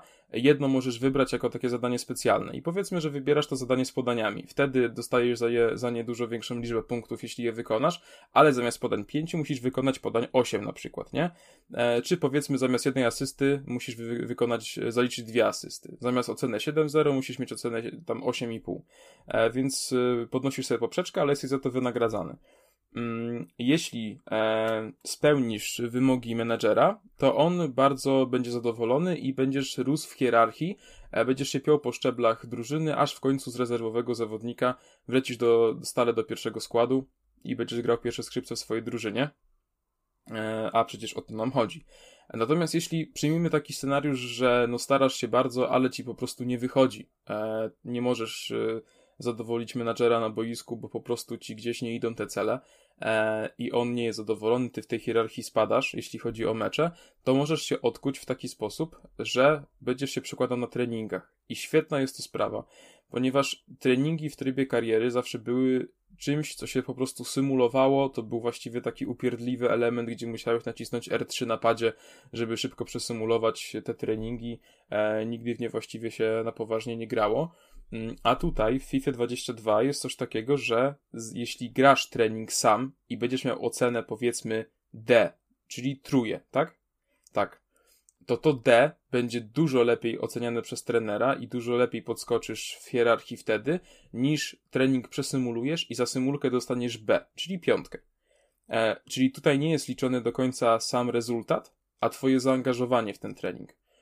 E, I to jest bardzo ważny powód, bo teraz mówię, w końcu się te treningi opłaca grać i, i jest po co. No dobra, ale czy Oczywiście te treningi są przyjemne? Czy to jest przyjemne do robienia? Czy to jest takie, że robisz, tak, bo chcesz... znaczy, wiesz co, to jest, to jest trochę e, po pewnym czasie. Jeśli grasz bez przerwy 4 godziny w tą karierę, to w końcu ci się te treningi znudzą. Natomiast e, te gry treningowe są faktycznie zrobione w tych FIFach ostatnich bardzo dobrze i te rozgrywki są bardzo e, bardzo przyjemne. Dlatego to nie jest w żadnym, w żadnym wypadku nie jest to upierdliwy element czy coś takiego. Mm, nie, no jest upierdliwy, jeśli ci zależy tylko na graniu spotkań, ale w ogólnym rozrachunku naprawdę jest to dobrze zrobione e, i nie ma powodu do narzekań. Tym bardziej, że jeśli robisz te treningi, no to automatycznie rozwijają się też twoje statystyki, więc twój piłkarz rośnie overallowo i tam powiedzmy, jeśli grasz napastnikiem, no to rosną mu statystyki strzelania czy tam podań, zależnie od jakiego, zależnie jaki trening w danym momencie wykonujesz. E, więc jest to bardzo fajna mechanika. E, no ale właśnie, są też e, drzewko umiejętności, ponieważ nas, nasz piłkarz e, dostaje właśnie za mecz, no i za mecze, i za treningi właśnie punkty doświadczenia, mm, które możemy potem wykorzystać. I możemy kupować specjalne perki. Mamy możliwość, żeby jakby mm, wyekwipować trzy perki w jednej chwili. Ich tam jest bardzo dużo, one się odnoszą do, do wielu różnych rzeczy. To też e, jest fajnie zrobione, bo te perki nie są tylko dla, dla e, napastników, bo umówmy się, większość graczy e, wybiera właśnie te pozycje, ale A są ja też będę, perki dla będę Lewandowski. No, no tak, tak. Strzela brałki, nie? Mm, więc masz tam sporo opcji i jeśli chcesz zrobić karierę jako środkowy obrońca, nie ma z tym żadnego problemu. Gra też ci temu sprzyja. E, poza tym są też jakieś takie pomniejsze umiejętności, właśnie rozwijanie statystyk. No, e, tak naprawdę kariera zawodnika e, w FIFAch pierwszy raz nadaje się teraz do grania i pierwszy raz się nie znudzi po jednym sezonie. Faktycznie jest tu bardzo dużo elementów i pierwszy raz ta kariera sprawia przyjemność i potrafi ci zaciągnąć do siebie na mnóstwo godzin, bo masz tam o co walczyć. Dlatego jeśli jeśli jesteście fanami rozwijania swojego zawodnika, uważam, że jest to świetna, świetna sprawa i, i na pewno no, kariera e, zawodnika nigdy nie miała się lepiej jak w FIFA 22. E, właściwie puentuję to takim samym zdaniem, jak mówiłem o Wolcie. Mm. Dobrze. Co z karierą menadżera? E, kariera menadżera w zeszłym roku doczekała się wielu zmian. Między innymi właśnie te symulacje ala z Football Managera. E, Jakiś czas temu też przecież weszły te, te bardziej zaawansowane negocjacje transferowe, dużo nowych animacji, e, konferencje prasowe przed i po meczach. E, świetna rzecz. Mm, ale w tym roku kariera zawodnika, e, kariera menadżera doczekała się jednej dużej zmiany i chciałbym powiedzieć nowości. Chcianej nowości, ale to nie jest nowość, ponieważ to było już w starej, starej FIFA, bodajże już chyba było to w FIFA 08 ale z tym numerkiem mogę się pomylić. Natomiast w FIFA 22 można stworzyć swój własny klub i nim rozgrywać karierę. E, I teraz jest to sprawa całkiem złożona, ponieważ jej faktycznie się do tego przyłożyło. Więc trochę, trochę jeszcze będę gadał. tak, przede wszystkim, e, no, Kuba, powiedz mi, bo Konrad śpi. Powiedz mi, Kuba, co, co musi mieć każdy klub? Tak zacznijmy od podstaw, nie? Każdy klub to musi mieć herb. Otóż to. I co jeszcze musi mieć? I stadion. Tak, i co jeszcze? Sztab, sztab trenerski. No tutaj tak daleko aż bym nie zachodził. Znaczy no zgadzam się z Maskotkę tobą, ale no tutaj, drużyny. Tak... No tutaj też nie. Ale jeszcze by się przydała jakaś nazwa, nie? A, no to FC Klub. Dobra, na razie się tutaj zatrzymajmy. E, wybieramy nazwę naszego klubu. Wybieramy też nazwę, mm, taki można powiedzieć przydomek, e, czyli dla przykładu nie, nie dla jest Nie dla przykładu, tylko powiedz nam, jaki ty wybrałeś i jaki ty opracowałeś. Jedziemy tutaj na Nie, żywym tego materiale. Nie, tego nie mogę powiedzieć. nie no, chcę, żeby po prostu było to jasne i klarowne. FC Barcelona to jest Blaugrana, Real Madryt to Galacticos, e, czy tam Królewscy, nie? Galacticos to była ta złota era, przepraszam, to Królewscy. E, Manchester United to są czer Czerwone Diabły, e, Tottenham to są Koguty, e, więc o to chodzi. E, wybieramy także właśnie herb swojego klubu. I tutaj sporo osób narzeka, że herby są tylko domyślne, e, te co EA tam wgrało. No i tak, i ja nie wiem skąd jest też to zdziwienie, ponieważ nie wiem jak miałoby wyglądać procedura wgrywania własnego obrazku PNG na, na konsolę, żeby to FIFA mogła zaczytać. Więc nie jest to dla mnie wcale elementem zaskoczenia. Znaczy, Tego wyda wydaje mi się, a... że, że tutaj chodzi może ludziom o jakby większą ilość dostępnych szablonów, z których coś tam by sobie poskładał. A właśnie, ale chciałem powiedzieć, że tych szablonów jest naprawdę dużo i naprawdę nie ma co wybrzydzać, bo e, tam są i takie herby nietuzinkowe i są takie herby bardzo nowoczesne, czyli takie stawiające na minimalizm. Mam tu na myśli herby chociażby no, nowy herb Manchesteru City, e, więc, so, ale są też takie herby jakieś wybujałe, jak na przykład, nie wiem, Newcastle ma taki bardzo niestandardowy herb, to tam też znajdziecie tak, takie rzeczy. Więc jest naprawdę sporo tego, tym bardziej, że wybieracie też dwa główne kolory wiodące tego herbu, więc jest tam sporo kombinacji, które możecie e, zrobić i uważam, że tutaj akurat trochę ludzie przesadzają z tym jęczeniem. E, w tym kreatorze, no ja spędziłem zakładając swój klub, spędziłem ponad godzinę lekką ręką przy tym wszystkim. No Także, jak się nazywa? No jest tam tych opcji. No powiedz, jak się nazywa. Jest, jest tam tych opcji sporo do, do, do przeglądnięcia. Kiedy mamy już nazwę, Zębrzaki. mamy już herb. Nie, nie, nie. FC Cukrzyca. Kiedy mamy już herb, mamy już nazwę, robi, robimy stroje dla swoich piłkarzy. Strój oczywiście e, jest domowy i jest wyjazdowy. E, wybieramy dowolną kolorystykę. E, wzory mamy też do wyboru odgórnie narzucone przez EA, ale tych wzorów też jest sporo i tak jak przy herbach są takie bardziej tradycyjne, takie bardziej stonowane, ale są też jakieś takie paterny bardziej szalone, jakby tam ktoś farbą, farby wylał na koszulkę. Mi się takie rzeczy na przykład podobają. Jest dużo motywów, więc pokrzywdzeni na pewno nie będziecie i trochę zabawy w tym kreatorze możecie, trochę czasu w tym kreatorze na pewno możecie spędzić. No i dobrze, mamy już teraz, mamy, mamy nazwę, mamy herb, mamy stroje, no to teraz ten stadion, o którym mówił Kuba.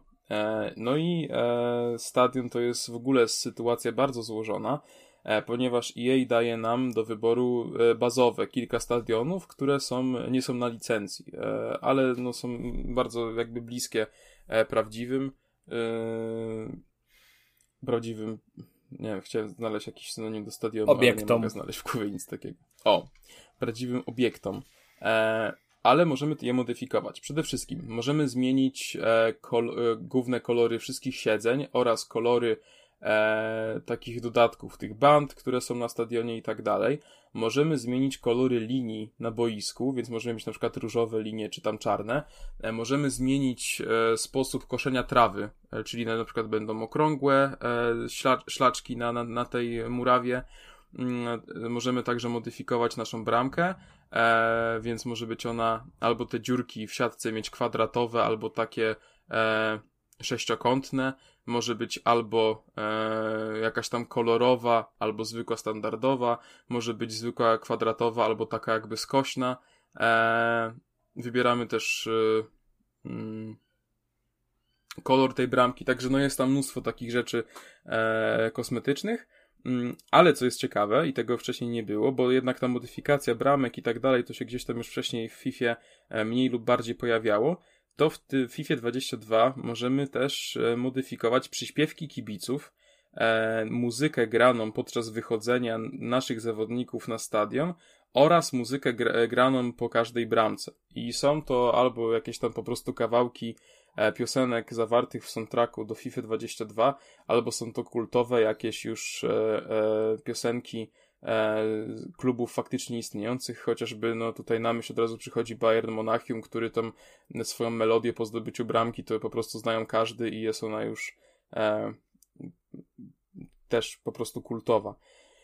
E, więc tutaj tych opcji jest naprawdę mnóstwo i, i, będziecie mieli na pewno mętlik w głowie, która jest najlepsza, która wam najbardziej odpowiada. E, także stadion, to wszystko pozwala nam z, zrobić taką otoczkę wokół naszego klubu, e, że zwiększa to imersję i faktycznie mm, czujesz, że ty to stworzyłeś, że jesteś tego znaczno, znaczną częścią, a to nie jest tylko takie, że no, założyłeś klub, ale wszystko masz y, mimo wszystko. E, w ogóle niezwiązane z, z, z tobą, więc tam jesteś w stanie zmodyfikować wszystko, wszystko dopasować pod siebie e, i to jest świetna rzecz.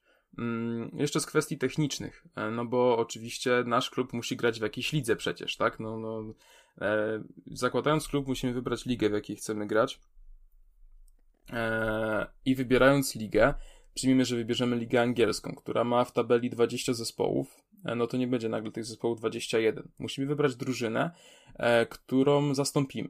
Ta drużyna, którą wybierzemy, zostaje odsyłana do drużyny reszty świata, e, no więc tutaj bym zalecał faktycznie zastąpienie jakiegoś Beniaminka, żeby nie, nie, nie być pokrzywdzonym, no bo jednak odsyłanie takich du dużych drużyn jest, jest bez sensu zwyczajnie. Inna sprawa, coś jeszcze chciałem powiedzieć, kurczę, wypadło mi z głowy. No nic, może sobie przypomnę e, później. E, w każdym razie. Mm, musimy mieć też przecież piłkarzy w tym naszym klubie, nie? I piłkarze są generowani wszyscy e, przez grę, więc dostajemy paczkę po prostu zawodników wygenerowanych przez FIFA. Natomiast wybieramy sobie przede wszystkim, jaki chcemy mieć zespół. Możemy od razu mieć zespół na 5 gwiazdek, gdzie są piłkarze ocenieni świetnie. Możemy mieć zespół jednak e, z, powiedzmy trzygwiazdkowy, który chcemy rozwijać. E, I zawodnicy są wtedy wybierani właśnie na poziomie e, tak, żeby, żeby idealnie pasować do, do, tego, do tej oceny gwiazdkowej naszego zespołu. E, I wybieramy też, czy ma, nasz klub ma być e, stawiać na młodych zawodników, czy ma być, mają być tam piłkarze doświadczeni. E, mnóstwo takich rzeczy. Potem też wybieramy e, oczekiwania zarządu, czyli czy, czy, czy chcemy, żeby w naszym klubie stawiono na młodych piłkarzy, rozwijano młodzież, czy zależy nam na sukcesie międzynarodowym, czy chcemy, wolimy skupić się na pucharach krajowych i na e, lidze krajowej, mm, więc jest tam sporo takich smaczków. E, co jest bardzo fajne. Fajny też jest e, sposób tworzenia e, właśnie tych zawodników, bo narodowości zawodników sami my nie wybieramy. Narodowość zawodników to jest kwestia tutaj ciekawie, ciekawie zrobiona, ponieważ wygląda to w ten sposób, że jeśli wybieramy właśnie powiedzmy tą ligę angielską, gdzie, nie wiem, to są teraz, mówię liczby, wymyślam je, to, to nie są prawdziwe. Powiedzmy, że jest, nie wiem, 80% Anglików i jest 10% Francuzów no to w tym momencie tworząc nasz klub, każdy piłkarz osobno ma 80% szans, że będzie Anglikiem i 10% szans, że będzie Francuzem. E, więc te narodowości będą bardzo zbliżone do tych, które faktycznie w tej lidze występują, e, dzięki czemu nie będzie kwiatków, że mm, gramy w lidze angielskiej, mamy klub, który wywodzi się z Anglii, a mamy tam samych Polaków. Więc jest to fajne i też z pewnością e, pomaga e, gdzieś tam właśnie we wczuciu się w to wszystko o, wiem co chciałem powiedzieć, co zapomniałem. Podczas tworzenia klubu wybieramy też odwiecznego rywala. E, czyli coś e, dla przykładu właśnie jak e, FC Barcelona i Real Madryt. Wtedy w takich spotkaniach będzie specjalna oprawa, będzie specjalna muzyka, specjalne ujęcia kamery, e, wszystko będzie wyglądało inaczej, będzie wokół tego taka bardzo mocna otoczka, która pozwoli nam jak jeszcze bardziej wczuć się w ciężki klimat tego spotkania i, i zrozumieć jego istotę i jego wagę. Mm, także, także bardzo fajna rzecz.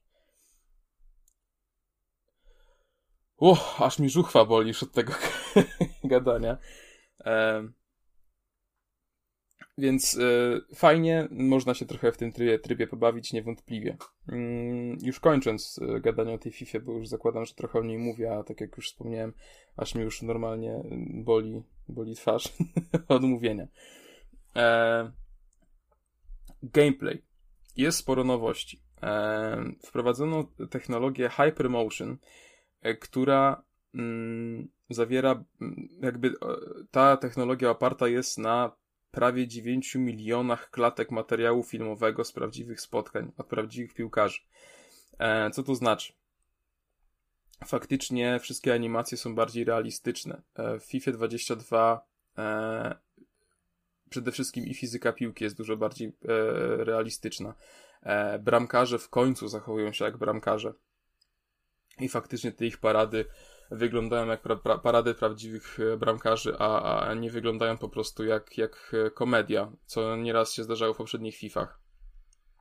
Jeśli biegniemy, powiedzmy, ustawieni na prawą nogę, a stwierdzamy, że wolimy oddać strzał lewą, to widać, jak ten zawodnik musi się po prostu na tą lewą nogę ustawić, przełożyć nogę na finezyjny strzał, co też wymaga oczywiście swojego czasu i często możemy na przykład przez to nie zdążyć wykonać strzału przed e, interwencją golkipera, więc tracimy okazję. E, ale to dobrze. E, dużo lepiej wyglądają też e, pojedynki w powietrzu. Faktycznie te wyskoki zawodników i ich uderzenia głową są dużo bardziej realistyczne. FIFA, mimo tego, że mm, jest to dalej gra arcade'owa, to coraz bardziej stawia na realizm. I chociaż z początku dużo, dużo graczy to bojkotowało, no bo brakuje już takich goli z połowy, E, jak to było w FIFA 13 czy 14. Brakuje uderzeń z główki z pola karnego, które lecą z niesamowitą prędkością. Mm, tak czy siak, te nowości, które wprowadza EA, pozwalają właśnie odczuwać tę imersję e, i bardziej się w to wszystko wczuć. Mm, dzięki czemu faktycznie, ja co prawda nie jestem fanem takiego gadania, e, ale przechodząc obok kogoś, kto gra w FIFA i nie do końca widzisz, że on trzyma pada w ręce, możesz zgłupieć czy on gra teraz w FIFA, czy ogląda e, mecz. E, niestety ta technologia Hypermotion jest wyłącznie na konsolach nowej generacji e, i na Google Stadia. Nie ma jej e, ani na PS4, ani na Xbox One, ani nawet na PC. Ale o tym już mówił Konrad, jeśli się nie mylę, w 12 odcinku. Właśnie poruszył temat, że EA odcięło e, e, komputery osobiste od tej listy mocnych sprzętów.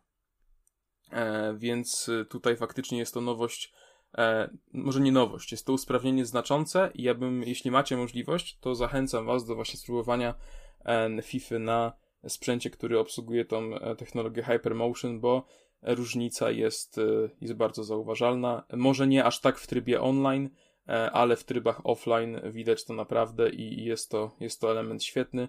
EA także się postarało, zaimplementowało bardzo dużo twarzy zawodników prawdziwych. E, popracowali także nad fizyką siatki od bramek, nad fizyką włosów zawodników. I na przykład Frankie de Jong biegnąc ze swoją bujną grzywką, widać jak te włosy mu falują z każdym krokiem. Mm, I może jest to pierdoła, ale jest to na swój, na swój sposób magiczne i moją uwagę to zwróciło bardzo. E, jeśli chodzi o prawę audiowizualną, no to jak każda FIFA jest na najwyższym poziomie. E, grafika jest bardzo ładna. E, te twarze, tak jak mówiłem, robią wielkie, wielkie wrażenie. Muzyka też jest bardzo przyjemna i, i, i ten, te soundtracki z FIFA co roku właściwie są na swój sposób kultowe. Tutaj również się nie zawiedziecie. Więc muzyka, która leci w tle jest, jest naprawdę fajna, relaksująca i, i po prostu pasuje do całej tej otoczki. Dobrze. Aha, jeszcze jedna, przepraszam, jedna wielka nowość, o której zapomniałem powiedzieć. Z, kom, z w FIFA 22 już nie usłyszymy głosu Dariusza Szpakowskiego. E, który w FIFA był od e, FIFA 06, więc już się do niego przyzwyczailiśmy wszyscy. E, zresztą te jego teksty mm, w stylu czy to wykorzysta, albo jak to mówią młodzi ludzie, masakracja. No to już, już tego nie ma. Szpakowski odszedł na emeryturę. Szpakowskiego zastąpił Tomasz Smokowski, którego w tej chwili możecie chyba najbardziej kojarzyć z kanału sportowego. Hmm. Czy jest to dobra zmiana? Nie wiem. Ciężko mi powiedzieć. Smokowski nie brzmi źle, ee, ale uważam, że chyba bardziej korzystnie by wyszło, jeśli faktycznie Jacek Laskowski byłby tym pierwszym komentatorem, a Smokowski był tym drugim, tym, co się tylko podłącza. W FIFA jest na odwrót. I chociaż bardzo lubię postać Smokowskiego i bardzo go szanuję, e, no to tutaj faktycznie ja nie mówię w żadnym wypadku, że to jest zły komentarz, że się nie nadaje, bo, bo jest ok, e, ale spodziewałem się fajerwerków, a tych niestety nie ma. E, natomiast już kończąc faktycznie wątek, e, wady, bo te też są. Przede wszystkim jej strasznie traci licencję na kluby.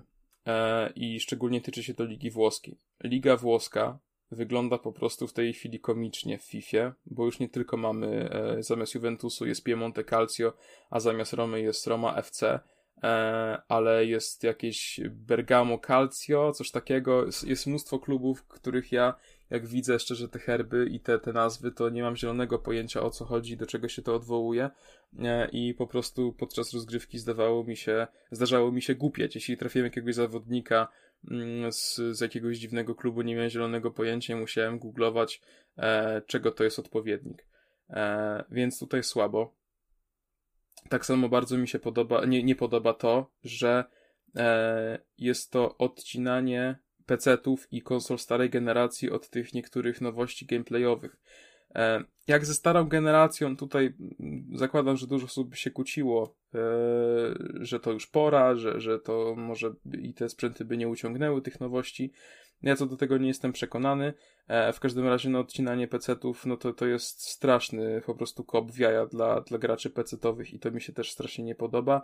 Mm, minusem też jest na pewno brak darmowego upgrade'u między, między wersjami konsol, między PS4 a PS5. Jest to tylko w, w edycji Ultimate, która jest, no, jest, jest, no, jest bardzo drogą edyc edycją. Mm, no i ponownie wspominam, brakuje mi bardzo trybu fabularnego jakiegokolwiek. Reasumując, podsumowując, czy FIFA 22 to jest dobra gra? Tak, to jest dobra FIFA. Jeśli jesteście fanami FIFA, nie będziecie zawiedzeni. Eee, więc, ale jeśli jesteście fanami FIFA, to kupujecie FIFA co roku, więc tam też kupicie. I zachęcam do tego, bo ja się bawię przy niej świetnie. To jeszcze teraz takie podsumowanie ode mnie. Kacper, masz bana na recenzję do końca roku. Czemu? No słodki, Jezu. Pół godziny o FIFA, Jezus. Ja, ja doceniam jak najbardziej było, wiesz, szczegółowo i profesjonalnie, ale no, zlituj się, Kacper. ale... Kot mi zasnął. Nawet, że mówiąc. U mnie jest pierwsza w nocy. Miej ty sumienie. Wiecie jak, wiecie jak mnie ryj boli po tym gadaniu? Wy żadnych pytań nie zadawaliście. No strach było, strach było, wiesz, wątki y, dodatkowe jakieś tam poruszać i dodatkowe wrota otwierać. Dobrze, także to była FIFA 22. Podkręcamy tempo ja, teraz, podkręcamy tempo. Może dla odmiany ja opowiem o jakiejś dobrej grze w końcu. E, więc teraz Konrad opowie o Golf Club Wasteland. E, tak dalej zostajemy w temacie sportu. E, I jeszcze wracając do FIFA. E, nie, nie, pro, temu... nie. jeszcze, jeszcze, jeszcze na chwilę. Bardzo Zostaw te demony. Temu, ale to, nie, ja nie będę pytał o FIFA, spokojnie. Chcę tylko nawiązać, ponieważ bardzo dawno temu, w pierwszym odcinku, czyli wtedy, kiedy to było bardzo dawno temu i nieprawda, wraz z Kacprem kłóciliśmy się o tryby fabularne w FIFA, do czego Kacper zresztą nawiązywał w trakcie swojej obszernej recenzji FIFA 22. Swojego kazania. E... Myślę, że to tak... I tak, no Kacper zadał wtedy pytanie, jakiej fabuły ty oczekujesz od gry sportowej? No i, no i dlatego chciałbym odpowiedzieć mu teraz po roku właśnie tym tytułem Golf Club Wasteland, ponieważ jest to gra sportowa, w której ten sport jest bardzo ważny dla samej gry, gry, natomiast on stoi jednak na tym dalszym planie, ponieważ jest to gra stojąca przede wszystkim fabułą. E, już sam tytuł może zdradzać, że coś jest tutaj nie tak, ponieważ no Wasteland, prawda, e, mm, no, niejako pustkowie, prawda, e, o co tu może chodzić? No chodzi o to, że e, przenosimy się w tej grze do no, niedalekiej stosunkowo przyszłości, w której e, Ziemia została zniszczona przez bliżej niezidentyfikowaną katastrofę klimatyczną. E, wydaje mi się, że klimatyczną. Kuba, ty też, ty też w to grałeś. To, była, to, to była jest klimatyczna, po prostu czy... utrzy, utrzymanie w takim e, klimacie, że to korporacje zniszczyły świat swoimi działaniami właśnie klimat i, i te sprawy. No po prostu e, ludzkość wyginęła, życie na Ziemi wyginęło przez, przez to. Do, no, sami do tego doprowadziliśmy. To jest na takiej zasadzie przedstawione, tak? Tak, ekologizm, no to tak jak mówiłem, katastrofa klimatyczna jakiegoś tam rodzaju, e, globalne ocieplenie powiedzmy. Psikus polega na tym, że zanim do tego doszło, to elity e, ziemskie wyruszyły e, na Marsa z celem jego, jego skolonizowania i tam sobie uwiły gniazdko, pozostawiając nas, biedaków, takich jak właśnie Jakuba, czy też no, Kacper. Kacper to nie, Kacper biednych... to jednak jednak nie. No, ja, ja, jasne. Kacper by poleciał. Polska, Polska A, nie wiadomo. On za chleb 7 zł po... płaci. To. Tak. ale my tu z Polski B, wiadomo, Rzeszów, Lublin, e, my byśmy zginęli, e, niestety. E, no i te ziemskie elity stwierdziły, że no jednak na tym Marsie jest trochę nudno, a ta Ziemia tak odłogiem zniszczona sobie dryfuje przez tę e, przestrzeń kosmiczną, no, więc warto by było e, te hektary liczne jakoś zużytkować i stwierdziło, stwierdzili ci ludzie, że z Ziemi zrobią pole golfowe. Także my tutaj trafiamy na Ziemię jako jeden z golfistów, który ma przed sobą 35 dołków bodajże. E, I w trakcie e, tej podróży, no, kiedy my sobie tutaj wbijemy tę, tę, piłeczkę, poznajemy e, tajniki mm, i, i samą historię tego, jak, jak w ogóle przebiegały te ostatnie dni Ziemi, co tam się działo, jak, jak sytuacja na świecie wyglądała, ale też poznajemy same motywacje głównego bohatera, ponieważ one nie są tak bardzo oczywiste. Poznajemy też informacje dotyczące sytuacji na Marsie, bo okazuje się, że może jednak wcale tak nie jest kolorowo na tym Marsie, e, jak mogłoby się wydawać. E, jest to niezwykle piękna gra. E, to jest bardzo artystyczna gra i ona urzekła mnie już w momencie, kiedy zobaczyłem pierwszy zwiastun, bodajże na E3 tego roku. Mm, ponieważ jest to gra stawiająca na artysty, taki graficzny minimalizm, to jest, to jest... Ale jeszcze ci tak tutaj mhm. przerwę. Wiesz, że ta gierka Jestem? debiutowała już w 2018 chyba, tak? To się na, no w... na Androidach pojawiło. Właśnie dzisiaj o tym usłyszałem.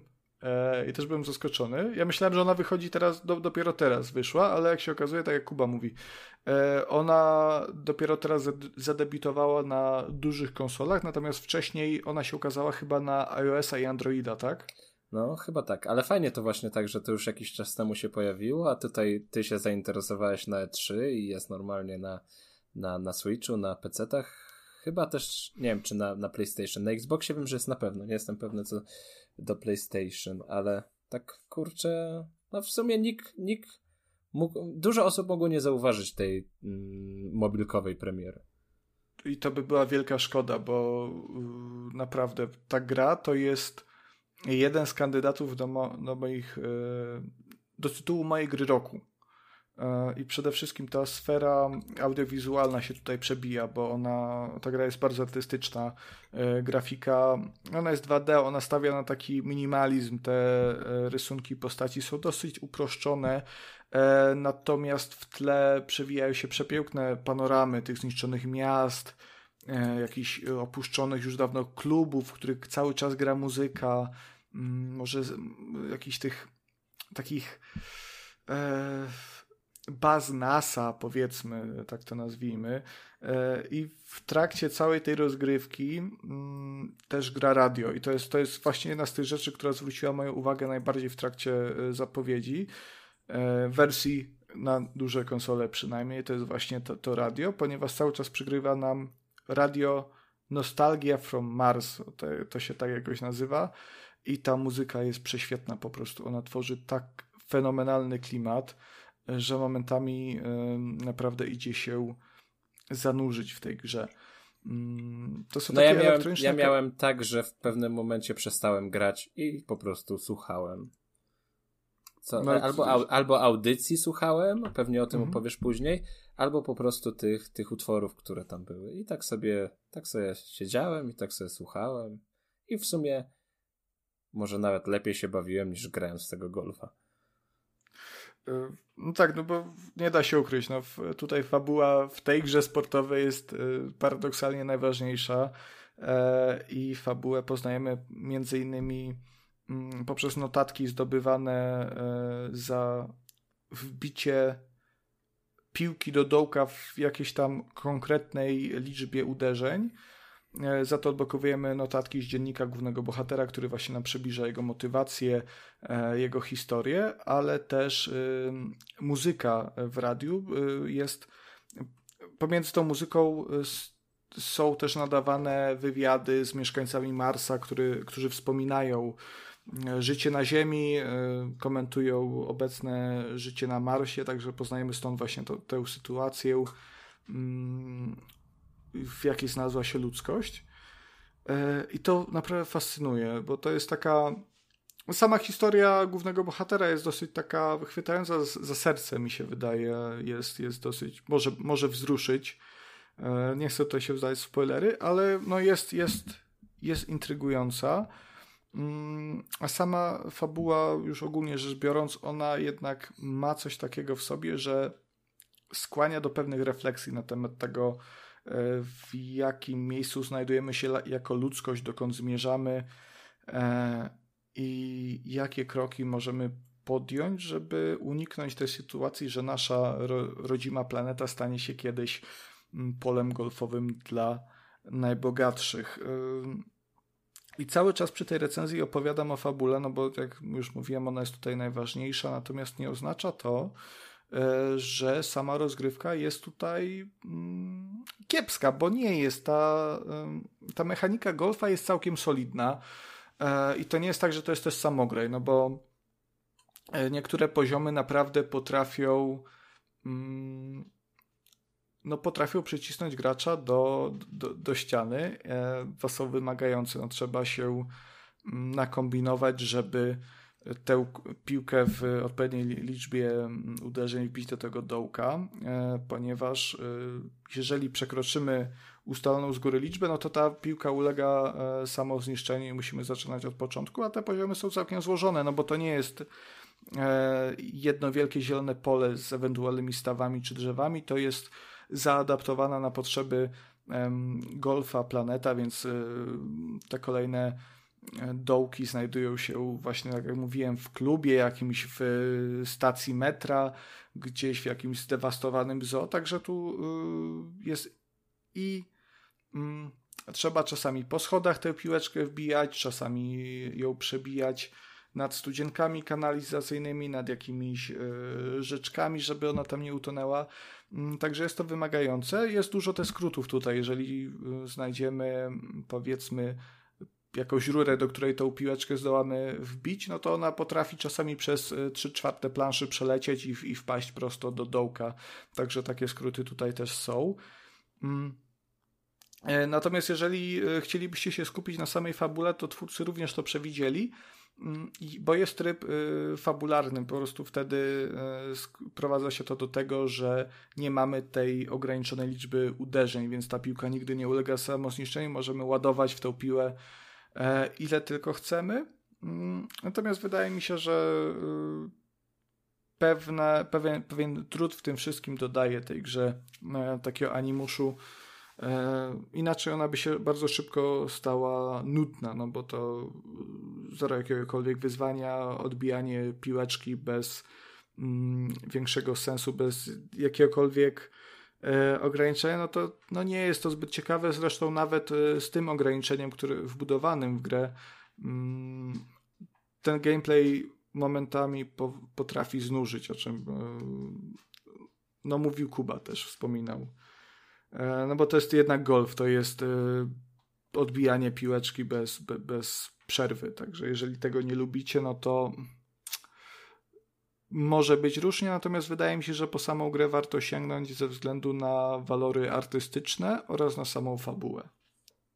No, ty mi już tego golfa chwaliłeś wcześniej w prywatnych rozmowach i szczerze powiem, że e, łamie się, bo jeszcze ten klip, co wrzuciłeś na Twittera swojego prywatnego, on wyglądał tak, tak dobrze, tak jakby hipnotyzująco, że no, no nie powiem, nie, chodzi mi ta gra po głowie i, i chciałbym nią naprawdę zagrać. Ona też nie jest droga chyba. Ona, ona kosztuje stosunkowo mało, a mówię, no, ta muzyka, ta oprawa graficzna i to w połączeniu jeszcze z tym takim bardzo prostym jednak gameplayem, no bo jakby gra się praktycznie lew, lewym analogiem i przyciskiem A, kiedy chcemy uderzyć, przynajmniej na padzie Xboxowym, e, no sprawia to, że tak jak mówisz, ta gra potrafi zahipnotyzować, potrafi wprowadzić w taki stan zen. E, to jest świetna gra dla relaksu w ogóle, zwłaszcza, że ta muzyka e, ta, to jest stan, muzyka elektroniczna. Zen. Jak ci piłeczka z platformy spadnie o milimetr, już widzę ten stan zen. No ale widzisz, ale wtedy możesz włączyć sobie tryb fabularny yy, i nie musisz się tym kompletnie przejmować. Po prostu sobie odbijasz, słuchasz muzyki, yy, chłoniesz to, jak tam wygląda życie na Marsie i jest super. I na, sto, na, na 100% to jest sposób, w jaki ja właśnie bym grał w tę grę. Już, ja, ja, ja, cię, ja cię, Konrad, słyszałem wcześniej, w jakim ty stanie zen jesteś. W jakim stanie zen byłem? jebać wszystkich, jebać wszystko. No bo, ale no wtedy nie rozmawiałem o golfie, tak? Jakbym wcześniej porozmawiał o Golf Club Wasteland, to bym był w stanie zena, to, a nie byłem. Dopiero teraz się wprowadziłem w taki stan, bo to jest naprawdę super gra.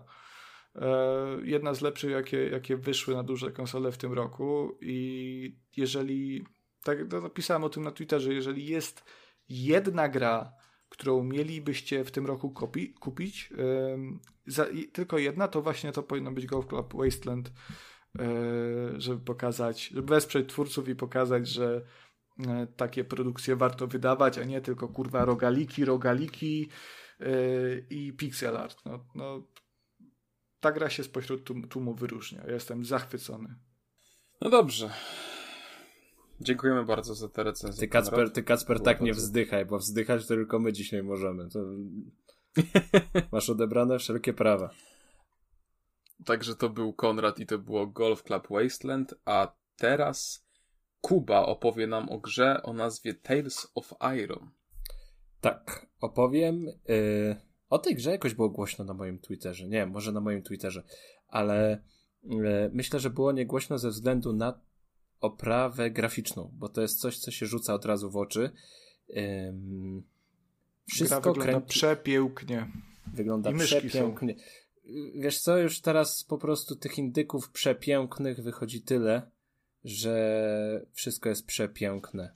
I tylko jedna przepiękna gra stara się przebić kolejną przepiękną grę. One wszystkie mają swoje y, różne przepiękne style, ale to jest, no ja się bardzo z tego cieszę, bo ja lubię patrzeć na, na ładne rzeczy. I tak, jak powiedziałeś, tutaj wszystko kręci się wokół y, myszy, szczurów konkretnie, bo to są szczurki. Jest królestwo szczurków. Fabuła się zaczyna tak, historia, że Jesteśmy synem króla i pewnego dnia przychodzi czas, żeby król oddał władzę w ręce jednego ze swoich synów. I tam ma syna kucharza, ma syna kowala, ale też ma dwóch synów wojowników, czyli nas i naszego brata starszego. Nasz starszy brat jest takim, no, wielkim koksem, nie wiem, cztery razy większy od nas, taki, no, widać, że to jest wojownik z krwi i kości, a, a my jesteśmy takim małym szczurkiem, yy, chłoptasiem, któremu Tylko, bardziej bym czy powiedział... Czy ja mogę teraz jakieś... powiedzieć żart? No proszę. My jesteśmy taką szarą myszką. Szarą myszką, no, dosłownie. E, taką szarą myszką jesteśmy, co tak jakby, no nie wiem, tak się jakoś mi przyszło na myśl to, że te wszystko się dzieje w naszej głowie, że to są jakieś takie nasze marzenia, pragnienie o byciu tym wielkim wojownikiem i tak dalej. I przychodzi dzień prób, czyli jako, że tam kucharz jest kucharzem, kowal kowalem, my z tym bratem musimy się zmierzyć o to, który mm, będzie dzierżył tę koronę po ojcu. I jest turniej wielki zorganizowany i my oczywiście na tym turnieju wygrywamy i tutaj zaczyna się nasza przygoda. Mm, już mamy dostać koronę, już mamy być królem, już mamy rządzić królestwem i w tym oto momencie jesteśmy najechani przez wrogie plemię żab, z którym boje się toczyły tam przez ostatnie setki lat. Jest to odwieczny konflikt. E, żaby zabijają króla, niszczą całe miasteczko, porywają naszą rodzinę. Nam cudem udaje się przetrwać i musimy y, zrobić wszystko, co w naszej mocy, żeby odzyskać rodzinę, władzę, królestwo, no dosłownie zbudować wszystko od nowa. I wkraczamy w ten wielki świat pełny niebezpiecznych mm, stworzeń, na pierwszy oczywiście rzut te, te żaby przychodzą, bo to jest taki nasz odwieczny wróg, ale jest tych takich kreatur, które gdzieś tam nam y, starają się nas powstrzymać więcej. Są jakieś żółki, nie żółki. Nie chcę też za dużo zdradzać, bo tam się trochę zaczyna dziać rzeczy takich, których byśmy się od początku nie spodziewali, ale te nasze wszystkie zmagania są w takim sosie mm, to jest określone w opisie gry i wiele osób, wiele osób o tym mówiło, że to jest taki, takie troszkę souls-like'owe E, oczywiście to jest gra w 2D, więc tutaj no to jest takie, dla mnie to taki jest lekki, le, lekko soulsowe. Jest to wymagające, te, te pojedynki, bo głównie gra opiera się na pojedynkach albo z takimi pomniejszymi gdzieś tam e, kreaturami, które wyskakują w trakcie naszej podróży, albo z bossami, którzy czekają na końcu każdego etapu, więc to może przywo- przywozić na myśl Souls-like'i. I Mm, no jest to takie uproszczone, powiedzmy. Oczywiście musimy się tam rolować, blokować, wykorzystywać słabości przeciwnika i, i tak dalej. E, jest to trudne, ale nie do takiego stopnia, co na przykład e, wymęczył mnie Nio. Nie ma tutaj nawet co porównywać. E, z każdym bossem poradzimy sobie tak, nie wiem, no potrzebujemy 5, góra wydaje mi się 10 podejść, żeby nauczyć się poszczególnych ciosów i, i sobie poradzić z nim. I to też jest tutaj spore uproszczenie jest takie, polegające na takiej mechanice, że nad bossem pojawiają się światełka. Jeżeli pojawi się żółte światełko, to to jest dla nas informacja, że możemy wykonać blok, a blok skończy się tym, że go powalimy na ziemię i będziemy mogli tam e, zadać kilka ciosów. A jeżeli nad przeciwnikiem pojawi się czerwone światełko, to to będzie taki atak, który nie sposób zablokować i naszą y, jedyną możliwością jest po prostu unik, gdzieś tam przerolowanie się przez niego i, i tyle. Ta perspektywa 2D doprowadza czasem do takich mm, no, spornych sytuacji, że może ten obszar trafienia nie jest liczony do końca fair, że gdzieś tam nas zahaczy tyłem, albo gdzieś po prostu obszar uderzenia będzie za szeroki. Ciężko to jest obliczyć, ale też tak jak mówiłem, te pojedynki nie są aż tak wymagające, nie trwają aż tak długo, żeby każda porażka była jakimś tam dotkliwym ciosem i się będziemy wkurzać i rzucać padami. Tutaj raczej y, niczego takiego nie uświadczymy. Także to jest y, taka główna mechanika. Oczywiście wraz z rozwojem tej historii pojawiają się tam zadania, musimy odwiedzać tam inne regiony, inne krainy. Mamy lekką swobodę, jeśli chodzi o poruszanie się, bo możemy tam troszkę odbić mm, z głównego, z głównego szlaku i coś tam sobie poeksplorować, ale to naprawdę minimalnie, bo gra jest bardzo, bardzo liniowa i to też raczej mm, tę eksplorację zostawić sobie na koniec po prostu, bo jakieś tam elementy się w trakcie gry odblokuje, które można później wykorzystać nawet w tych mm, pierwszych lokacjach i sobie pozwiedzać. Mm, są zadania poboczne, które są nie są tak naprawdę no, są zadania poboczne, które nie są opcjonalne. O tak powiedzmy. Możemy mm, teoretycznie mamy tablicę ogłoszeń. Na tablicy ogłoszeń widnieje tam zlecenie na zabicie iluś tam przeciwników i dostaniemy za to złoto. I jedyną mm, opcją wydania tego złota jest kupienie czegoś, dla, co nam pomoże pchnąć do przodu główną linię fabularną. Także innej drogi zdobycia tego złota nie ma. Także to jest quest opcjonalny, który i tak musisz wykonać, bo inaczej nie zbierzesz tam 20 pieniążków, żeby ruszyć fabułę do przodu, więc to jest troszkę takie oszukane. Kolejną ważną rzeczą jest to, że nie ma w tej grze rozwoju postaci. Mm, w, w ogóle nie rozwijamy siebie jako tego szczurzego wojownika, nie mamy żadnych tam statystyk. Jedyne, jedyne co się zmienia to ekwipunek. Mamy tutaj podział standardowo na lekki, średni, ciężki i to dotyczy broni, tarczy, broni dwuręcznej, mm, zbroi i hełmu. I tutaj oczywiście czym cięższy, tym wolniej się będziemy poruszać, chociaż nie wiem, czy, jak, czy to jest do końca dobrze zbalansowane, bo miałem wrażenie, że najlepszą, najlepszą drogą jest po prostu ubieranie najcięższego i najbardziej odpornego na uderzeniu, uderzenia ekwipunku. Dodatkowo mm, niektóre elementy pancerza mają tam, gwarantują nam ekstra odporność mm, względem jakiegoś konkretnego typu przeciwnika. Jest też broń palna, ale jest to wszystko takie bardzo, bardzo, bardzo, bardzo proste. Ta rozgrywka jest też taka Mm, zaprojektowana w ten sposób, że jest przyjazna graczowi. Czyli na przykład przed każdym bossem dostaniemy miejsce, gdzie możemy zapisać grę, gdzie możemy uleczyć się, uzupełnić miksturki, e, możemy napełnić e, amunicję broni dystansowej, czy tam jeszcze jakieś e, zatrucie broni. Także to jest takie dość, no, dość mm, przyjazne dla, dla, dla gracza. Nie ma za dużo opcji tutaj do kombinowania według własnej jakiejś inicjatywy, własnych buildów, własnego, własnego widzimisię. Jest to dość, dość proste, ale jednak siłą tej gry jest ta fabuła, jest ten taki baśniowy y, charakter, to się fajnie odkrywa, fajnie się poznaje, mm, ładnie się na tą grę patrzy i też ładnie się jej słucha, bo y, narratorem gry jest pan, który podkładał głos y, Geraltowi w Wiedźminie w angielskiej wersji.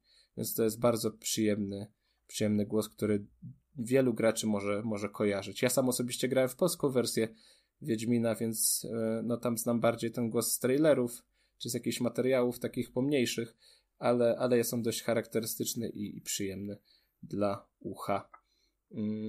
Czy Tales of Iron mogę polecić? Spokojnie.